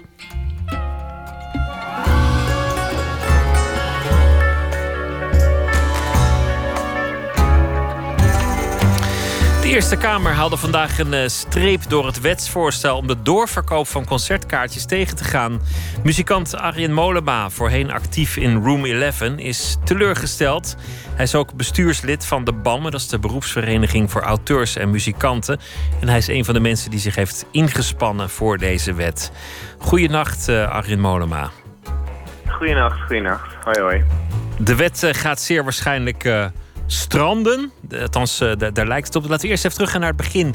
Wat is het probleem dat verholpen zou moeten worden? Het probleem dat verholpen moet worden is dat er op dit moment tickets worden doorverkocht voor absurd hoge bedragen. En deze wet die zou ervoor zorgen dat je in ieder geval als, als consument, hè, dus als, als muziekliefhebber die een kaartje koopt, dat je wanneer je te veel hebt betaald, dat je daar eigenlijk iets aan zou kunnen doen. Wat het betekent dat als je via de normale kanalen probeert aan een kaartje te komen, dat ze, dat ze al lang uitverkocht zijn. Maar dan kan je wel elders terecht, maar dan betaal je gewoon vier keer de oorspronkelijke prijs. Klopt, dat is het. Maar het is, het is tegenwoordig ook zo erg dat je, um, als je al zoekt naar een concertkaartje, dat je vaak al op de secondary ticketing sites terechtkomt, zoals dat heet. Dus de, de bedrijven die die tickets doorverkopen, die, die stoppen zoveel geld ook in marketing en advertising, dat je waarschijnlijk eerder op hun sites terechtkomt dan op de, op de normale goede sites. Dat speelt ook nog mee. Waarom is dat juist voor de muzikanten zo erg? Nou, voor de muzikanten is dat erg omdat je... Um, eigenlijk heb je als, als muzikant en als artiest bedenk je een prijs... waarbij je wil dat gewoon mensen naar je concert kunnen komen... en dat, dat iedereen voor die prijs naar het concert kan komen. En uh, je denkt daarover na. Er zit een soort van besef achter dat je wil dat iedereen kan komen. En niet alleen iemand die 400 euro voor een kaartje neertelt, bij wijze van spreken. En um, wat natuurlijk ook erg is, is dat je uh, een soort van relatie hebt met je, met je fan. En um, op het moment dat de fan geld wil betalen om naar jouw concert te gaan... en die moet heel veel meer geld betalen dan dat jij eigenlijk ervoor wil vragen... dan komt het geld dus ook niet terecht bij de mensen bij wie het terecht zou moeten komen. Namelijk bij de artiesten en bij de songwriters van die liedjes. En dat is gewoon heel jammer. Strikt economisch zou je zeggen, uh, de, de zaal zit vol. En heel veel mensen ja. hebben heel veel meer betaald. Dus kennelijk was de oorspronkelijke prijs te laag. Um, zou je kunnen zeggen. Ik weet niet of dat zo makkelijk werkt. Het is wel een heel, heel kort 1-2'tje. En um, kijk, je weet natuurlijk niet of de zaal anders niet uh, vol zou zijn geraakt. Dat speelt natuurlijk mee. En ja, nogmaals, het is natuurlijk ook aan de artiest om, om mede de prijs te bepalen, vind ik. En die verdient niks extra aan de extra prijs die betaald wordt. Dat zijn alleen maar de, de, de woekeraars die eromheen hangen. Klopt, ja. Nou, woekeraars is, is, is, een, is een woord wat inderdaad gebruikt wordt. Het zijn, um, het zijn zelfs net gewoon handelaren. Maar het probleem is wel dat het geld dus inderdaad uh, niet bij de artiest terechtkomt. Um, de consument betaalt veel te veel. Zou niet moeten hoeven. De artiest krijgt daar geen geld van. En eigenlijk de enige die gelukkig wordt van die constructie is de handelaar. En dat zijn ook de mensen die het hardst hebben lopen hobby, lobbyen om deze wet zeg maar, tegen te houden eigenlijk. Hoe kan het dat het gelukt is? Waarom uh, heeft de Eerste Kamer niet hiermee ingestemd? Ja, ik denk dat, het uh, dat de wet is gesneuveld omdat de, de handhaving ervan redelijk ingewikkeld zou moeten zijn. Uh, omdat je namelijk als consument, als jij een kaartje hebt gekocht voor veel te veel geld... dan zou je naar de rechter of naar een geschillencommissie moeten. En de Eerste Kamer die toetst ehm, die wet eigenlijk ook grondwettelijk... of het wel klopt en of het voor een consument te doen is... En die hebben waarschijnlijk besloten dat dat een te ingewikkeld traject is... en dat het op een andere manier opgelost zou moeten worden. Dus ze zien het probleem wel. Alleen ze vinden de uitwerking vinden ze eigenlijk gewoon te ingewikkeld voor de, voor de consument. Dat is, is er een betere manier te bedenken? Er moet toch wel iets te verzinnen zijn? Um, nou, wat, wat bijvoorbeeld ook kan, wat ook wel gebeurt... is dat je tickets, uh, tickets op naam worden verkocht. Dus um, dat heeft niet zeer met, met, met wetgeving te maken. Maar um, dan koop je als consument koop je een ticket... Uh, op jouw naam. En ja, dan kan dat niet meer doorverkocht worden, want het is aan jouw naam verbonden. En er zitten ook wat nadelen aan dat je dan met je ID-bewijs naar een concert moet. Maar in ieder geval kan het dan dus niet meer doorverkocht worden voor 400% extra geld, wat niet naar de artiest gaat. Nou, dat klinkt als een elegante oplossing alvast.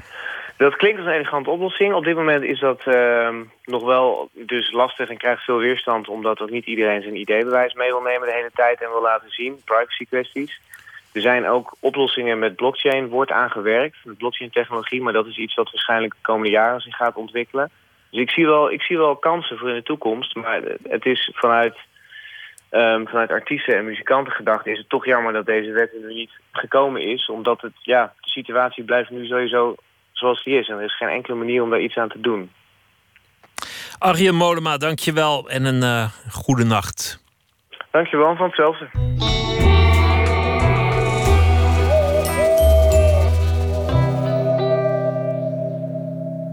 De Bar Brothers, dat zijn uh, twee broers en twee nog uh, niet broers die meespelen. Ze komen uit uh, Canada, Montreal. En dit nummer heet Song That I Heard.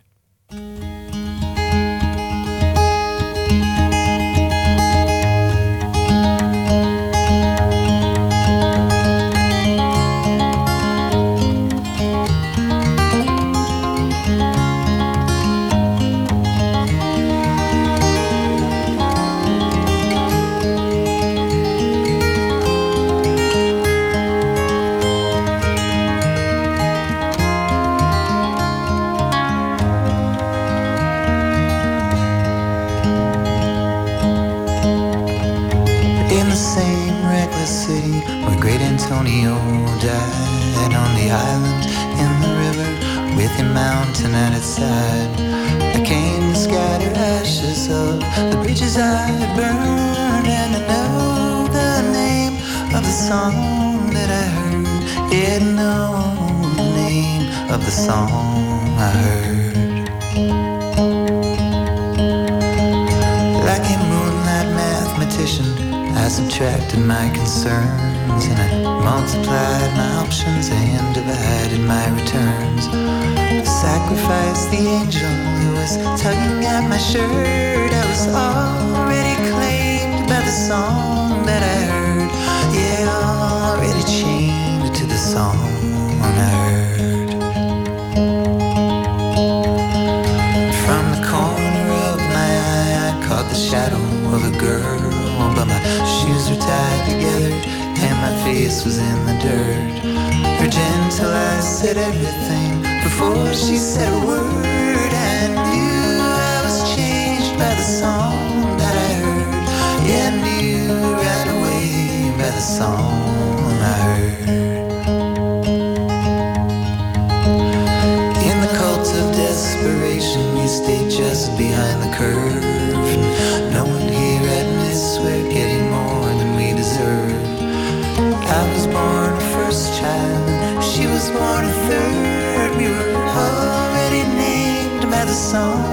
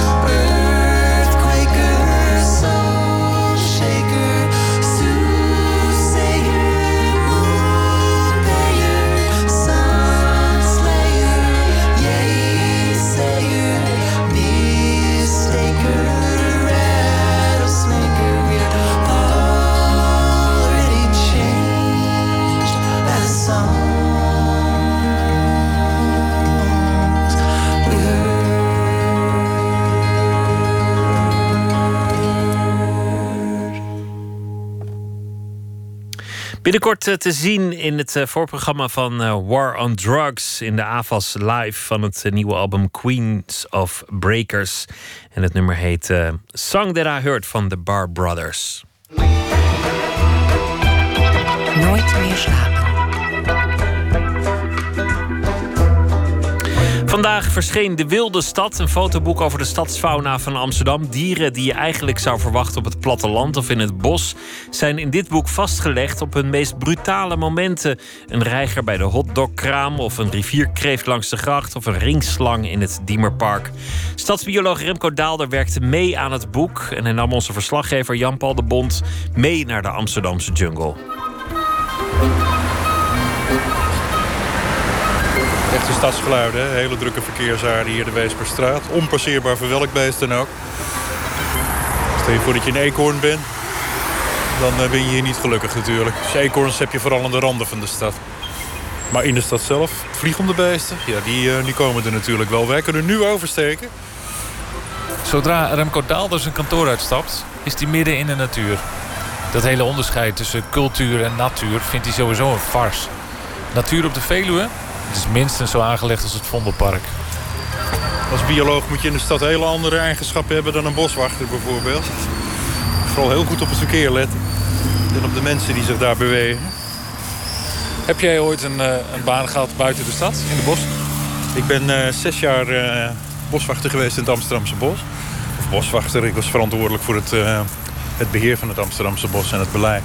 Zes jaar buiten gezeten tussen de blaadjes. Heel ander verhaal hoor. Ook prachtig.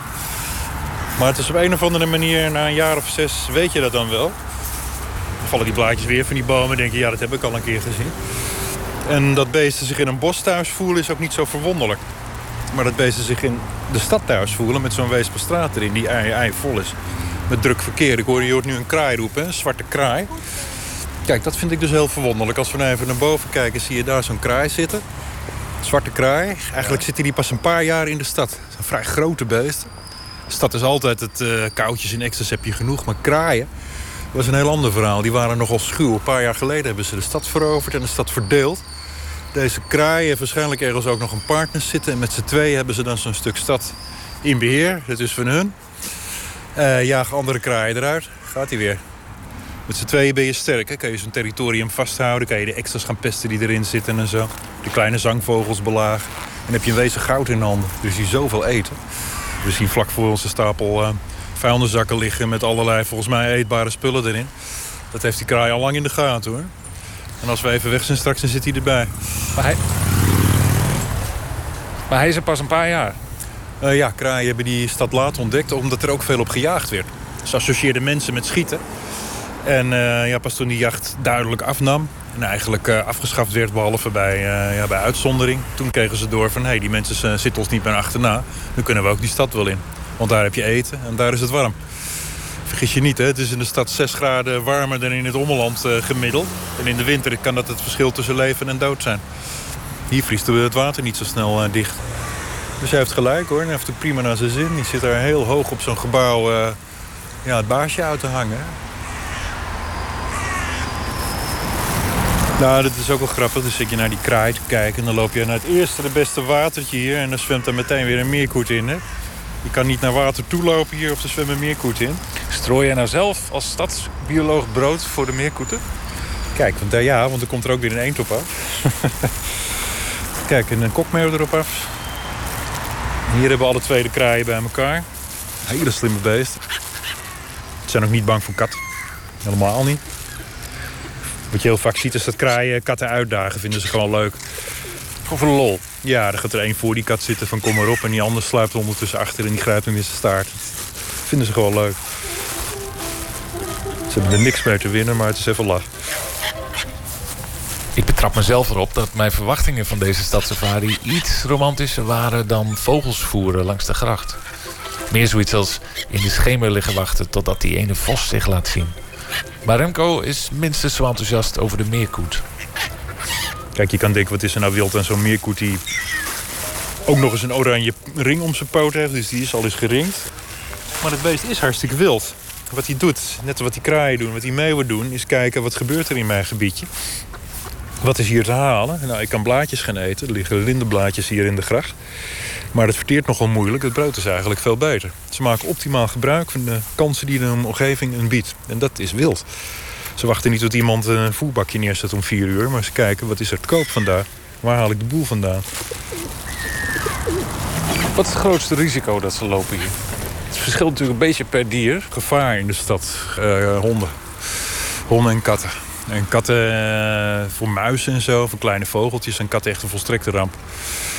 En verdere risico's. Uh, vroeger werd er veel met gif gespoten in steden.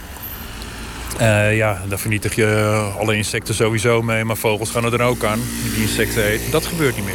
Bijna alle steden, zeker die in Nederland, die uh, spuiten niet meer met gif in de openbare ruimte. Dat is echt een hele goede ontwikkeling. Daarmee is dat gevaar aardig weggevallen. Dus eigenlijk valt het erg mee hoor. Vergelijk met het buitengebied. Uitkijken voor katten, uitkijken voor honden. Als je dat een beetje door hebt, dan kan je een heel eind komen in de stad. Die grote meeuwen, die zilvermeeuwen, die, uh, stel je voor dat die het brood midden op de weg gooien. Die willen ze toch te pakken krijgen. Dus dan gaan ze toch kijken van kan ik het brood toch niet tussen al die auto's doorvissen. Ik zag er een staan op de Weesperstraat. Grote zilvermeeuw, een jonkie, niet zo ervaren, maar ja, knoert van een beest. En er komt zo'n auto aan en zonder enige vaart te minderen rijdt hij expres over die meeuw heen. Ja, dat doet mij dan echt pijn. Mensen die heel bewust uh, dieren pijn gaan doen. Of die, die leven, andere levende wezens pijn gaan doen. Of dat dieren zijn of mensen. Ja, daar kan ik absoluut niet tegen. Die meeuw leefde ook nog. Die kerel rijdt door natuurlijk. Dus die hebben wij af moeten maken dan nog. Ja, poten gebroken, vleugels gebroken, alles gebroken. Maar ja, hij leefde ook nog. Ja, dat, dat vind ik heel vervelend hoor. Het boek wat er nu ligt vloeide eigenlijk voort uit de documentaire De Wilde Stad. Een film die begin volgend jaar uitkomt. Van dezelfde makers als De Nieuwe Wildernis. En dan ben je snel geneigd om meeuwen en eenden en meerkoeten... toch als iets minder exotisch te beschouwen. Maar wie wat langer kijkt, die ziet hoe die doodnormale diersoorten evolueren waar je bij staat. Van meerkoeten trekken niet alle exemplaren de stad in... maar alleen de, de gewoon de brutale jongens. En de, de bedeesde meerkoeten, want die heb je ook. En net als je bedeesde mensen hebt, die blijven op het platteland zitten. Dus je moet al een soort brutaliteit hebben van, uh, nou, dat kan mij wat schelen en je, je gaat erin. En dat blijkt ook nog eens erfelijk te zijn. Zowel bij mensen als bij dieren is brutaliteit uh, ja, een erfelijke eigenschap. dus die stadse koeten, die, die zo lekker brutaal zijn en een laag stressniveau hebben... die kunnen heel veel stress hebben, die geven dat door aan hun kleintjes. Die daardoor nog stadse koeten worden. En ik sprak laatst een evolutiebioloog. Die zei van, uh, nou vooral dat stressniveau, dat is erfelijk. Het kan heel goed zijn dat over een paar generaties... die stadse koeten niet eens meer willen met een koet uit het buitengebied. Want die kunnen ze allemaal niet meer volgen. Die heeft een heel ander uh, gedragspatroon eigenlijk. Die zei van koolmezen in de stad zingen anders dan koolmezen buiten. Omdat ze boven het verkeer uit willen komen. En vogels herkennen elkaar aan de zang. Dus die koolmezen van buiten vinden het maar schreeuwlelijker hier uit de ja, stad. Dat, dat soort werk. En voor je het weet heb je ja, plattelandsmezen en stadsmezen... die niks van elkaar moeten weten. En die bioloog zei tegen me... je ziet hier het begin van soortvorming. Steden, dat zijn de nieuwe Galapagos-eilanden. Die liggen als een soort stenen gebieden midden in een buitengebied... wat niet veel meer voorstelt. Meerkoeten, zei hij, dat zijn de nieuwe Darwinvink. Ja, daar zit je dan maar mooi bovenop. Ja, precies, dat dacht ik ook. Je ziet hier de evolutie gewoon gebeuren. Die merels, hebben we hier een merel in de buurt? Nee, toevallig niet. Maar stadsmerels hebben een kortere snavel. Om uh, beter tussen die uh, baksteentjes te kunnen poeren. Hebben ze een uh, wat dunnere en kortere snavel. En ze zijn ook wat lichter dan bosmerels. Ze beginnen al verschillen te vertonen, lichamelijk al. Dit is een mannetje meerkoet. Die heeft een hele hoge piep. Als een soort aangelopen fietswiel. Is er een concurrentie tussen steden onderling? Van hoe de biotoop ervoor staat? Tussen steden onderling uh, is er een gezonde 010-020 concurrentie natuurlijk. Waarbij we elkaar vooral helpen. Wat werkte bij jullie, wat werkte bij ons, uh, kunnen wij van elkaar leren. Voor Amsterdam is het grootste succes eigenlijk de ijsvogel. Vroeger was dat, nou ja, vroeger toen, uh, zeg 15, 20 jaar geleden, moest je ervoor naar Limburg. En dan de hele dag langs een beek lopen en dan zag je er een in de verte wegflitsen. Nu zitten er 40 paar in de stad. Ik woon in Noord, alleen in Noord al zitten 20 paar. Uh, als ik mijn huis uitloop hoor en zie ik ijsvogels. En dat is toch wel heel typerend voor Amsterdam. Heel helder water, overal water. En overal nestgelegenheid door al de vrijwilligers die zich daarmee bemoeien. Dat is wel een echt, echt Amsterdam succes. Wat Rotterdam weer heel goed heeft, is de aanpak van een havengebied. En in een eh, havengebied, ja, plekjes die ze even niet hoeven gebruiken voor die haven. Heel goed benutten voor de natuur. Dat is echt hartstikke mooi. En wat daktuinen betreft hebben we ook wel wat van Rotterdam te leren. Die doen het toch veel spectaculairder en groter en meeslepender. Wat, wat vind jij een meeslepend dak? Nou, ik heb in Rotterdam wel daken gezien van een voetbalveld groot zo ongeveer. Waar ja, toch bomen van een meter of zes op stonden. Echt een park. Park op het dak. En dat is hartstikke mooi natuurlijk. Wat wij dan weer hebben, is dat we hele wijken, zoals Eiburg, eh, heel ecologisch ontworpen hebben. Zodat je als bewoner van Eiburg, als je uit je raam kijkt, eh, honderden aalscholvers ziet. En allerlei soorten eenden die dan op de waterplanten voedsel zoeken en, eh, en dat soort zaken. Je, overal kikkers, slangen die dwars door de woonwijk cirkelen. Dat vind ik dan weer echt Amsterdams. Dus een gezonde rivaliteit tussen de steden... waarbij we veel van elkaar leren en elkaar lekker opjutten. Dit is een gek gezicht.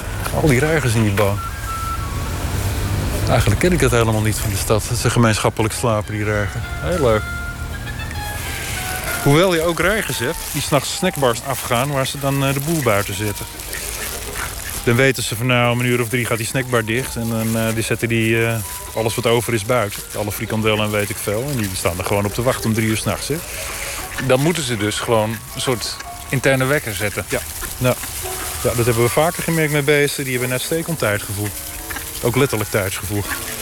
Vroeger, uh, toen de pinguïns en artes werden gevoerd om half vier s middags... dan zag je om vijf voor half vier de eerste reigers komen. Dus niet om drie uur, maar om vijf voor half vier.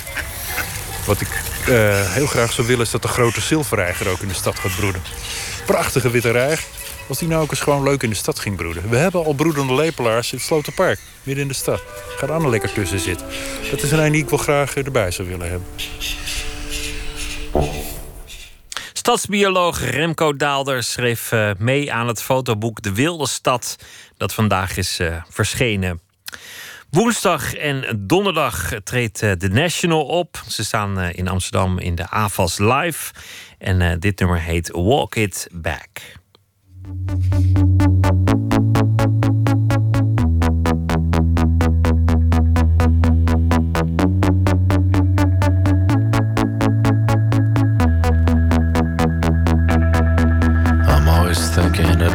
Useless things.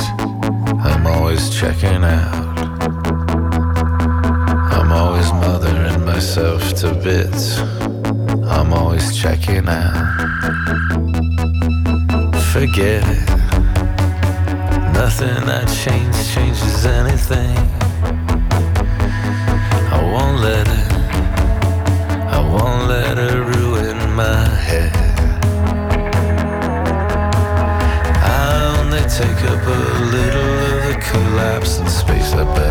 This saw.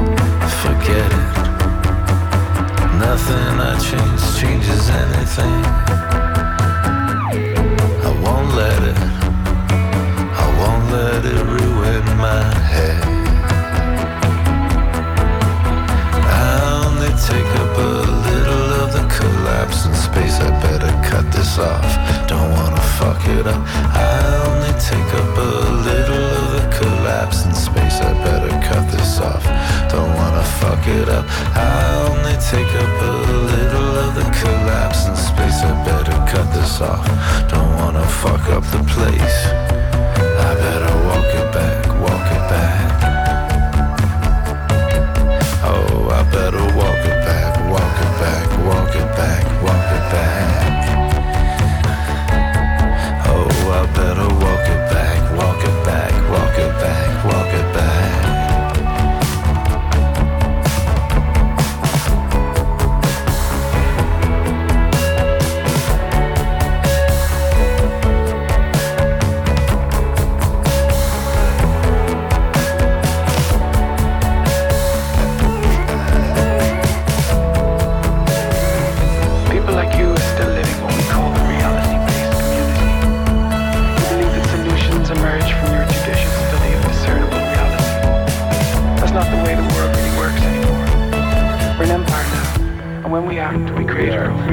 And while you are studying that reality, judiciously as you will, will act again, creating other new realities, which you can study too. And that's how things will sort out. That's how things will sort We're out. history's actors. We're history's actors. You, All of you will be left to You, just study all of you will have to just study what we do.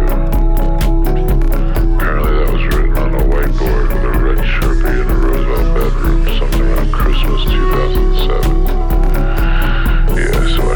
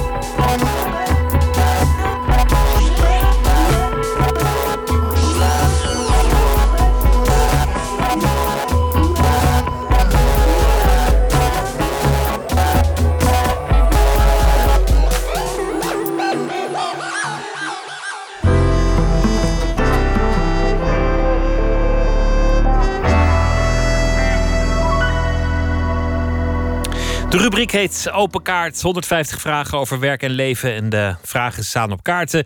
Die zitten in een bak. En zo regeert de willekeur. Roos Eimers is de gast, toneelspeler, actrice.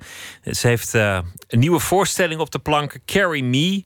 En die is eh, te zien. eh, Zaterdag, vanaf zaterdag, een science fiction thriller verpakt als huiskamerdrama, geschreven door Hanna Barefoots. Het gaat over een app voor draagmoeders. Een app waarmee je snel en handig op maat een eh, draagmoeder naar wens kunt vinden. maar eh, zoals je al vermoedde, blijkt het in praktijk toch minder eenvoudig te werken dan je had gedacht. Roos Eimers, welkom. Dankjewel. Een app om een, eh, een draagmoeder te vinden. Dat is Ja. het centrale gegeven. Wat, wat, wat, wat kun je zeggen over het, het plot zonder al te veel weg te geven? Nou ja, Hannah Barefoots heeft een, eh, een, een science fiction stuk voor ons geschreven. En dat is voor ons ook leuk, want het is de eerste keer dat we science fiction doen. En het speelt zich af in Nederland in de nabije toekomst. En het is dan zo dat vrouwen steeds langer en vaker werken en topfuncties bekleden. Eh, en dat is eigenlijk heel positief, maar het drukt de geboortecijfers wel. Dus dan, nou ja, in de toekomst eh, wordt daar een, een, een app voor uitgevonden, Carry Me. En eigenlijk koppelt die, het is een soort Airbnb voor draagmoeders. Dus die koppelt draagmoeders aan wensgezinnen. En ik speel Eline, de vrouw die graag samen met haar man Maarten een kind wil, maar eigenlijk te oud is om dat nog zelf voor elkaar te krijgen. En zij worden gekoppeld aan Didi. En Didi is een stuk jonger en dat is een draagmoeder uit het oosten van het land. En Didi heeft de optie inwonen aangevinkt in de app. En die komt dus negen maanden lang de hele zwangerschap bij hun in huis wonen. En eh, dus die staat op de eerste dag van de zwangerschap voor de deur met een kolfapparaat en die zegt eh, hallo. En dat is eigenlijk het begin van het stuk. Dus dan, ja, dan ben je in de huiskamer van Maarten en Eline en eh, volg je hun en Didi. En dan, dan wordt het een soort combinatie van science fiction, Woody Allen, Who's Ja. Afraid of Virginia Woolf en klassiek Shakespeareaans drama. Ja, Ja, ja, precies. Nou, Hannah Barefoot schrijft hele leuke, witty teksten. Dus uh, inderdaad, dat is erg komisch en leuk ook om te spelen. Ja, absoluut. Ja. Tegelijk kan ik het me ook wel voorstellen, zo'n zo'n app. Dat dat, ja, dat, lijkt dat het je best handig? iets. Ja. Nou ja, waarom niet? Ik denk dat, dat zo'n app iedereen nader tot elkaar kan brengen. En je weet dat dit soort eh, eh, praktijken er zijn. En, Ja. en als dat er dan toch is, waarom zou je het niet makkelijk maken? Vraag en aanbod goed bij elkaar gebracht. Ja, nee, dat, dat is ook wel zo. Maar het zorgt ook wel voor de nodige spanningen natuurlijk. Als je, ja, als je gewoon een, een, een, een, fijne relatie hebt... en dan ineens komt er zo'n jong meisje... die het wel lukt om zwanger te worden. Dat is natuurlijk ook eh, heel spannend. En je weet ook niet helemaal wie je in huis haalt. Dus die, die heeft dan wel een goede rating. Maar ja, wat zegt dat nou precies? En eh, het is haar tweede draagperiode. Dus zij heeft het al één keer eerder gedaan. En met dat kindje is het goed gegaan. Maar is dat nu ook zo? Dat, eh, nou ja. En er wordt ook heel door de coach van de app gezegd... Een, een huis in balans is een buik in balans. Dus de sfeer moet goed blijven, want anders is het slecht voor de baby. Dus dat, ja, dat is ook moeilijk af en toe om dan Om dat vast te houden. om dat vast te houden. Ja, En het drama zit hem bij jouw personage.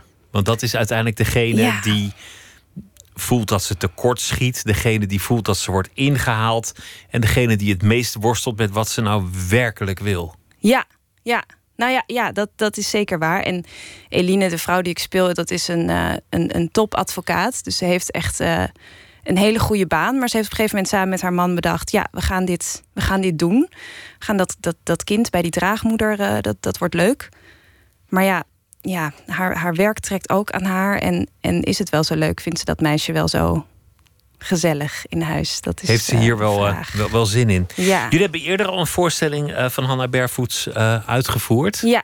Die, eh, die firma Mes als theatergroep, die hebben jullie Ja. eigenlijk... vol- volgens mij nog, nog zo'n beetje tijdens jullie opleiding al opgericht. Klopt. Onze, we zaten met elkaar op school op de toneelschool in eh, Maastricht. En daar in het derde jaar, toen op een gegeven moment had eh, een, een vriend van Thomas Schoots, onze regisseur, die, eh, hij had met vrienden een bordeel gekraakt in Eindhoven. En eh, Dat klinkt al heel goed, een bordeel kraken. ja, het was ook een heel vies bordeel. Het, de kussentjes, daar zaten nog witte vlekken op. En in dat bordeel hebben wij toen onze, eigenlijk onze eerste firmames voorstelling gemaakt. En daar eh, was een soort theatrale rondleiding eigenlijk voor het publiek door dat bordeel. En toen dachten we, dit is zo leuk, hier moeten we mee door. En Thomas en ik komen uit Den Haag. En wij dachten, daar mist een jong, goed theatergezelschap. Dus toen eh, zijn we dat daar begonnen in 2009. Ja. Dus naast dat eh eh, chique nationale toneel is er dan ook de, de, de club Firma Mes. Precies. Hoe, ja. hoe, hoe zou je die club omschrijven? Eh, een heel gezellig clubje. Nee, het is, ja, nee, we, zijn, eh, eh, we maken vooral theater over dingen die ons nu bezighouden. Dus we doen niet Shakespeare of geen repertoire. Maar we kijken van wat vinden wij nu belangrijk. En bijvoorbeeld een paar jaar geleden toen eh, ging Thomas van de regisseur ging zijn telefoon kapot. En toen bracht hij het naar de T-Mobile winkel. Toen kreeg hij een leentoestel. En toen stonden er nog allemaal sms'jes op dat leentoestel... van degene die die telefoon voor hem geleend had. En hij bracht dat mee. En toen dachten we, dit is echt fascinerend. Het leven van dat meisje. En we wilden graag een voorstelling over privacy maken. En toen hebben we een voorstelling gemaakt over het leven van dat meisje van die telefoon... zonder dat zij het zelf wist. Had ze een boeiend leven, als voor zover je op die berichtjes kon, kon beoordelen? Nou ja, je, het, het wordt vanzelf heel erg boeiend. Als je dan sms'jes leest als... eh, wat zijn blauwe pillen? Ga je zelf ook denken, oh, wat bedoelde ze daarmee? Of een ruzie met haar moeder. Ik bedoel, wat in je telefoon staat, dat is zo persoonlijk. Persoonlijker dan wat je in je dagboek schrijft, bijna. Dus binnen een paar dagen waren wij zo gefascineerd door dat meisje... dat we... En ze had niks afgeschermd. Dus we wisten binnen een dag waar ze werkte... eh, eh, dat haar relatie net uit was... en ze werkte in een restaurant als serveerster. Een gegeven moment zijn we ook bij haar gaan eten. Terwijl we alles dus van Echt haar waar? wisten. Ja. En toch had mij dat ook kunnen gebeuren. Dat je dan een nieuwe telefoon Ja. koopt. En dat je dan zegt, ach, houd u die oude maar. Precies. En dat je er niet over nadenkt. Ja, ik denk dat ik ook wel zo slordig zou kunnen zijn. ja, ja. Nou ja, en we zitten nu dus te denken, want dat is alweer, ik denk dat is vijf jaar geleden of zo dat we die voorstelling hebben gemaakt. Volg heette die.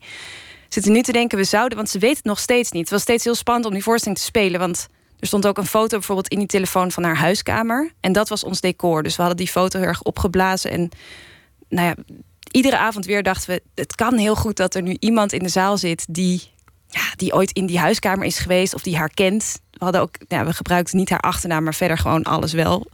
Dus dat was iedere avond heel spannend te doen. En we denken, nu moeten we niet een DVD nu in haar brievenbus doen met onze voorstelling. En dat we zeggen, hé, hey, we hebben toen dit gedaan. En dat we daar dan nu een heel leuk gesprek met haar daarover hebben. Of nog een voorstelling maken, een vervolg van dat misschien. Ja. Goh, maar dat is wel echt eigentijds theater. Dat staat ver af van de 16e eeuw. Totaal, ja. Nee, dat vinden we. Of thans, ik vind dat een beetje saai vaak. Ik, of ik vind veel toneel best wel saai. Dus dit, nou ja, daarom denken we ook, wij kunnen het beter. Of, en vragen we ook schrijvers zoals Hanna Bervoets erbij om, eh, om stukken voor ons te maken. Ja. We gaan beginnen met eh, de kaarten. Ik eh, wil je vragen om er een eh, te trekken. Spannend, oké. Daar gaan we. Hoe vaak google je jezelf? Ehm, niet heel vaak. Het valt altijd een beetje tegen, denk ik, als ik dan mezelf google. Ik heb het één keer, toen heb ik wel. Toen zag ik dat er al heel snel, als je mij googelde, een soort hele rare foto van mij voorbij kwam. Een scènefoto. Toen ik een voorstelling met de Ashton Brothers deed. En toen, dat was een foto dat ik precies zo met mijn kont voor een van die Ashton Brothers zijn gezicht zat. En toen dacht ik, wat een rare foto eigenlijk. Als je mij googelt, dat je dat dan meteen krijgt. Dus toen heb ik gevraagd of ze die eraf eh, wilden halen. En dat hebben ze gelukkig gedaan. Oh, dat is netjes. Ja, dat is heel netjes. Maar ik denk dus niet vaker dan twee keer per jaar. Maar je weet alles al over jezelf. Dat Ja, is precies, Dat is ja. het merkwaardige aan jezelf googelen. Ja. Google dan een diersoort waar je nog niks van af weet. Inderdaad. Ja, nee, nee. Dus inderdaad, ik, ik ontdek ook weinig nieuws als ik mezelf google. Ja. Laten we nog een, eh, een vraag trekken. Goed. Wat was je bijbaan? Nou, ik heb ehm, verschillende bijbaantjes gehad. Ik heb in een, eh, eh, een hele dure kinderzaak, kledingzaak en speelgoedzaak gewerkt. Waar onder andere de koningin cadeautjes kwam uitzoeken voor Amalia. Dat vond ik altijd heel cool als die kwam. Ehm, en ik heb eigenlijk het meeste in de horeca. Dus ik heb heel lang bij een strandtent gewerkt. En die heette Peukie. Peukie. Heel fout. In Scheveningen. En die baas die rookte altijd een sigaar. Daarom was zijn bijnaam Peukie. En, eh, en ik vond dat fantastisch. Ik heb daar iedere zomer heb ik daar, eh, ik denk tot mijn, nou misschien wel tot mijn 22ste of zo gewerkt. Ja. En dan passoa's serveren en zelf ook drinken. Laten we nog een vraag doen. Even kijken. Wat voelt lekker? Hmm, jeetje, ja. Ehm, reizen voelt lekker. Op vakantie gaan. Ehm, wij doen altijd met Firma Mes, en daar ben ik heel blij mee. Wij werken negen maanden per jaar en dan drie maanden per jaar mag je iets anders doen. Eh, een ander project of een ander wat je wil. En ik ga eigenlijk altijd op reis, want dat, dat vind ik echt het fijnst. Dus afgelopen januari was ik in eh California een maand met mijn man. Nou, dat, dat is wel ultiem eigenlijk. Ja. Californië, dat is, eh, dat is ultiem. Ja, ja, ja, die president natuurlijk wat minder, maar Californië is eigenlijk een soort land op zich. Dat, eh, En Trump kan een hoop beweren, maar hij is niet de president van Californië volgens mij. precies, nee, inderdaad. Daar heeft hij eigenlijk niet zoveel Als eh, te Californië zeggen. onafhankelijk was, dan zou hij het daar voorlopig nog niet redden. Klopt, precies. Misschien is het daarom ook zo, zo prettig. En er waren daar toen ook heel veel mensen. Wij waren er net voor de inauguratie. Toen was iedereen nog heel erg van, nou, we kijken wel hoe, hoe erg dit gaat worden. Maar ook heel veel mensen die tegen ons zeiden: Oh, jullie moeten echt niet denken dat al die Amerikanen zo gek zijn. Niemand wil dit. Maar ja, dat was dus alleen in, eh, in Californië zo. Ja. Toch ook weer een eigen bubbel. ja. Laten we nog een vraag doen. Op welke collega ben je jaloers? Oh, nou, ik weet het wel. Ik was eh, vorige week naar Blade Runner, naar de nieuwe over science fiction gesproken. En daarin zit Sylvia Hoeks. En Ja. die speelt gewoon met Ryan Gosling scènes. En zij heeft dus ook, zij zat bij mij op de toneelschool toen ik er ook op zat. En dat geeft toch wel hoop. Dat je denkt, oh kijk, zij komt ook uit een klein Brabants dorpje. En zo ver kun je het schoppen. En, zo, je, en dan sta je daar eh, te zoenen met Ryan Gosling. Dat is toch wel eh, fantastisch. Dus dat, dat is wel hoopgevend. Ja, ja dus daar, eh, Sylvia Hoeks, daar eh, ben ik op dit moment wel een beetje jaloers op. Ja. Ik zie jou ook nog wel eens op een dag in een futuristisch pak eh, Ik door, hoop door de het. toekomst rennen met twee geweren. Hoe leuk zou dat zijn? Ja, We gaan er nog één doen. oké. De uitsmijter, even kijken. Ja, de, de moedervraag. Ah, deze is saai, wacht even. Oké. Wat waardeer je in je vrienden? Ah. Nou ja, ehm, dat is heel leuk ook aan Firma Mes. Dat zijn niet alleen eh, mijn collega's, maar ook nog eens mijn beste vrienden. Dus dat is ook wel bijzonder dat je met je beste vrienden werkt. Ehm, en dat dat lukt, dat vind ik eigenlijk wel een prestatie van ons allemaal. Dus dat we zowel heel eerlijk tegen elkaar kunnen zijn en kunnen zeggen: Sorry, maar wat je daar staat te spelen, dat klopt echt uh, voor geen meter. Als dat we ook de kroeg in gaan en keihard moeten lachen met elkaar. En dat dat al zoveel jaren zo goed gaat, dat uh, vind ik wel een, een prestatie van ons allemaal. Ja. Is het ook. Dankjewel, Roos Eimers. En de voorstelling heet Carry Me. Vanaf uh, zaterdag 4 november te zien tot en met februari in uh, alle hoeken van ons land. Dankjewel. Graag gedaan. De blues, de mooiste muziek voor uh, in de nacht. Het was 1957 in Louisiana. Voormalig bouwvakker Slim Harpo bracht zijn eerste single uit. En uh, op de A-kant stond I'm a King Bee. En als je hem dan opdraaide, kreeg je dit nummer. I got love if you want it.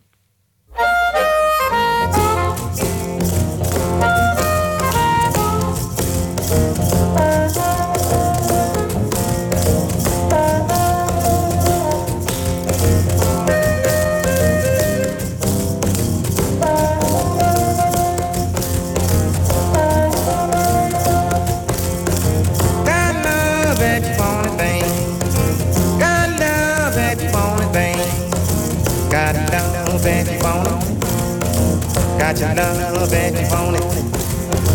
Got love that you want it. We can rock on wild.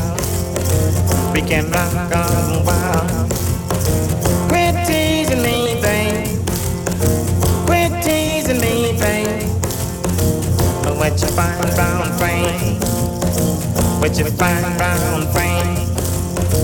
If you you're loving me. I'm thinking you're loving me. Now yeah, you come, babe. Now yeah, you come, babe. With your head hung down. With your head hung down. I know you've been falling. Talk all over town. Talk all over town.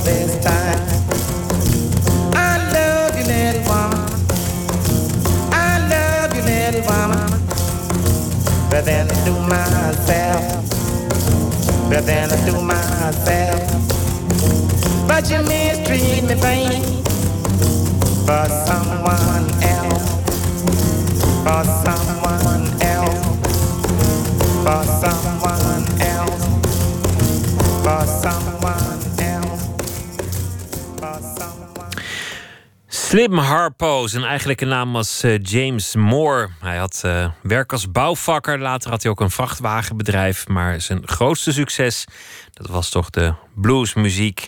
Lang duurde die carrière niet, want hij stierf al jong op 46-jarige leeftijd aan een hartprobleem. En dit nummer heette I Got Love If You Want It. Eén minuut en deze is gemaakt door Katinka Beer.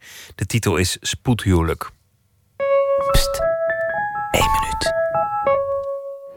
Was echt een uh, spoedhuwelijk. Wat ik in een paar uur tijd, en dat is een wonderwerk dat ik dat heb kunnen regelen. Ik moest zes getuigen regelen. Als je in het ziekenhuis trouwt moet je blijkbaar zes getuigen hebben. Dus die heb ik in een paar uur tijd uh, kunnen optrommelen. En dat het, dat het gelukt is voor ons allebei. Hè, dat het ondanks, want ik voelde wel, nou, ik besefte niet helemaal uh, dat, hij, dat hij al zo snel dood zou gaan. Maar achteraf denk ik dat ik het misschien toch wel gevoeld heb. Dat hij dus echt niet lang meer had.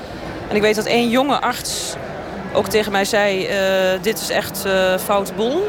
En dat was voor mij, ze keek me daar ook zo bij aan. Het was een arts in opleiding, maar ik denk, oh, achteraf denk ik hoe ze mij aankeek, wist ik dat ik het heel snel moest gaan regelen. Ik denk, anders dan lukt het niet meer. Want ik had het eigenlijk altijd al gewild. Dus eh, al heel snel nadat ik hem had leren kennen. Dus ik vond het echt geweldig. En eh, ja, hij is om drie uur s'nachts gestorven. En ik denk dat we om eh, negen uur s'avonds getrouwd zijn ongeveer.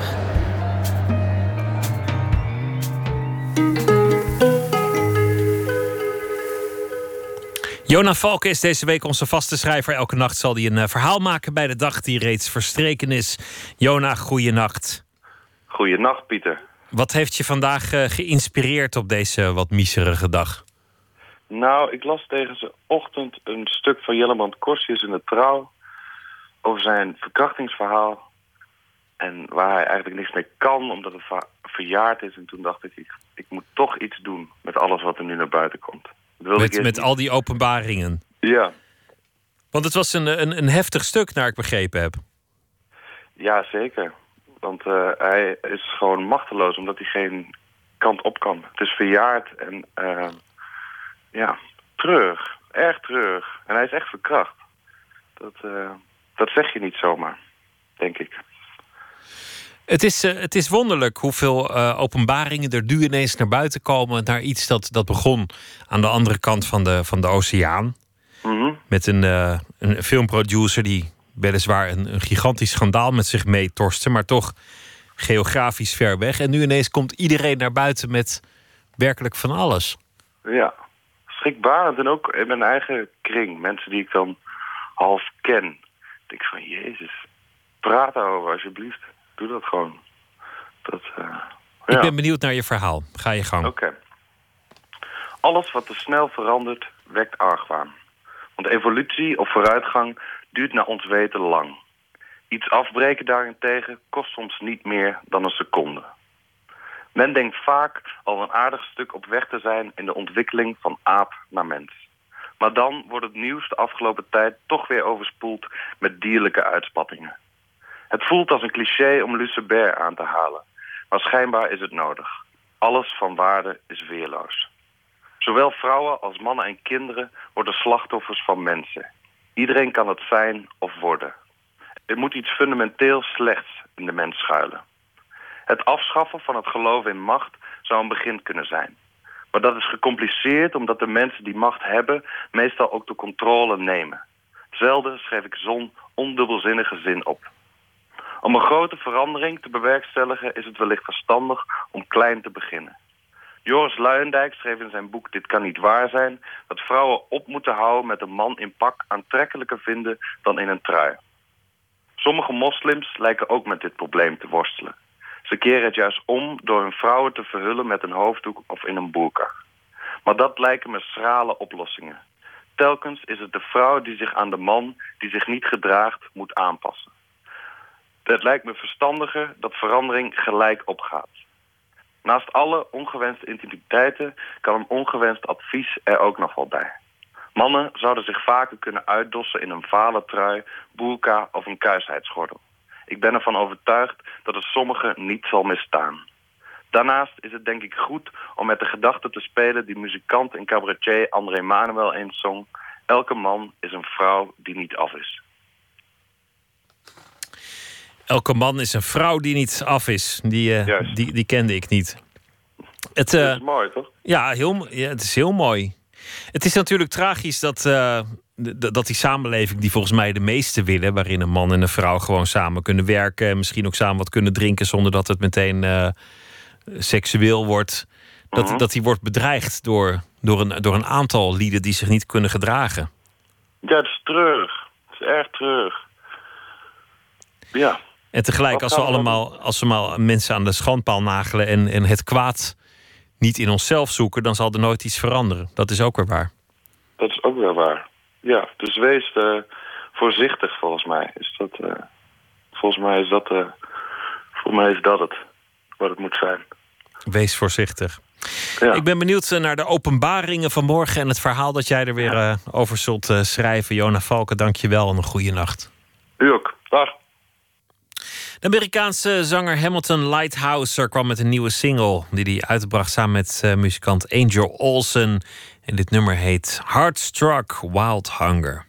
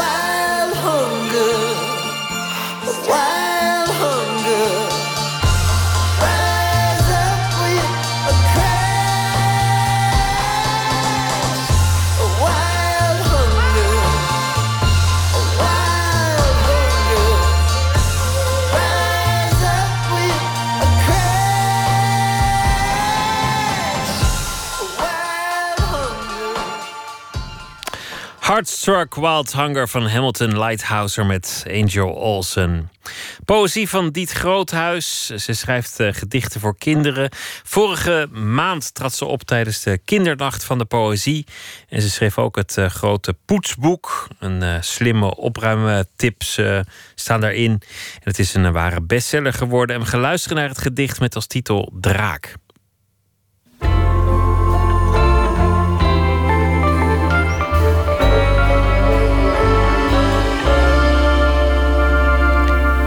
Als ik nu een draak was, kwam er stoom uit mijn twee oren. Sissend schuim droop van mijn schubben. Bliksem rolde van mijn tong, donder tolde rond mijn lippen. Hete damp sloeg van mijn staart. Maar ik ben geen draak. Ik wacht tot ik jou niet meer wil schroeien. Vuur en as op je ga sproeien. Smurrie in je haar wil doen in elk neusgat een citroen. In je bed een schorpioen. Ja, ik wacht tot de gloeiende orkaan die jou aan de kant wil vegen, is gezakt naar windkracht 9. Tot mijn sneeuwstorm poolwind is, hagel, regenbui. Jij niet sneeuwblind wordt, maar half slag tranend, als van ui. Ja, ik wacht tot ik niet meer toe wil slaan. Oh, wat heb jij een geluk dat draken niet bestaan. Ruzie met zijn moeder. Hij wil de tafels en stoelen door de kamer smijten, zo kwaad is hij. Het spettert en schuimt en spuugt dwars door de telefoon heen. Of ik een draak aan de lijn heb. Wat een opluchting als je niet hoeft te schelden of erop los te slaan als je kwaad bent. Of een bom te leggen. Waarom zou je je al die ellende in de buitenwereld op de hals halen? In je hoofd mag alles. In je hoofd kan alles. Het liefst zo creatief, specifiek en ellendig mogelijk. Voor je het weet, ben je weer normaal. Als ik nu een draak was, kwam er stoom uit mijn twee oren. Sissend schuim droop van mijn schubben. Bliksem rolde van mijn tong, donder tolde rond mijn lippen. Hete damp sloeg van mijn staart. Maar ik ben geen draak. Ik wacht tot ik jou niet meer wil schroeien. Vuur en as op je zal sproeien. Smurrie in je haar wil doen. In elk neusgat een citroen. In je bed een schorpioen. Ja, ik wacht tot de gloeiende orkaan die jou aan de kant wil vegen, is gezakt naar windkracht 9. Tot mijn sneeuwstorm poolwind is, hagel, regenbui jij niet sneeuwblind wordt, maar half slagtranend. Als van ui. Ja, ik wacht tot ik niet meer toe wil slaan. Oh, wat heb jij een geluk dat draken niet bestaan. Diet Groothuis las het uh, gedicht Draak. Morgen in Nooit meer slapen komt uh, Fik Meijer op bezoek. Historicus. Hij uh, schreef vele boeken over de historische oudheid en vooral de Romeinse tijd. Heeft een nieuw boek geschreven via Appia. En dat gaat in het spoor van dichter Horatius, die in 37 voor Christus de weg afliep en daar een satire over schreef. Mensen lopen die weg van Rome naar Brindisi nog steeds langs. Dat allemaal morgen. Nu een hele goede nacht. Op Radio 1, het nieuws van alle kanten.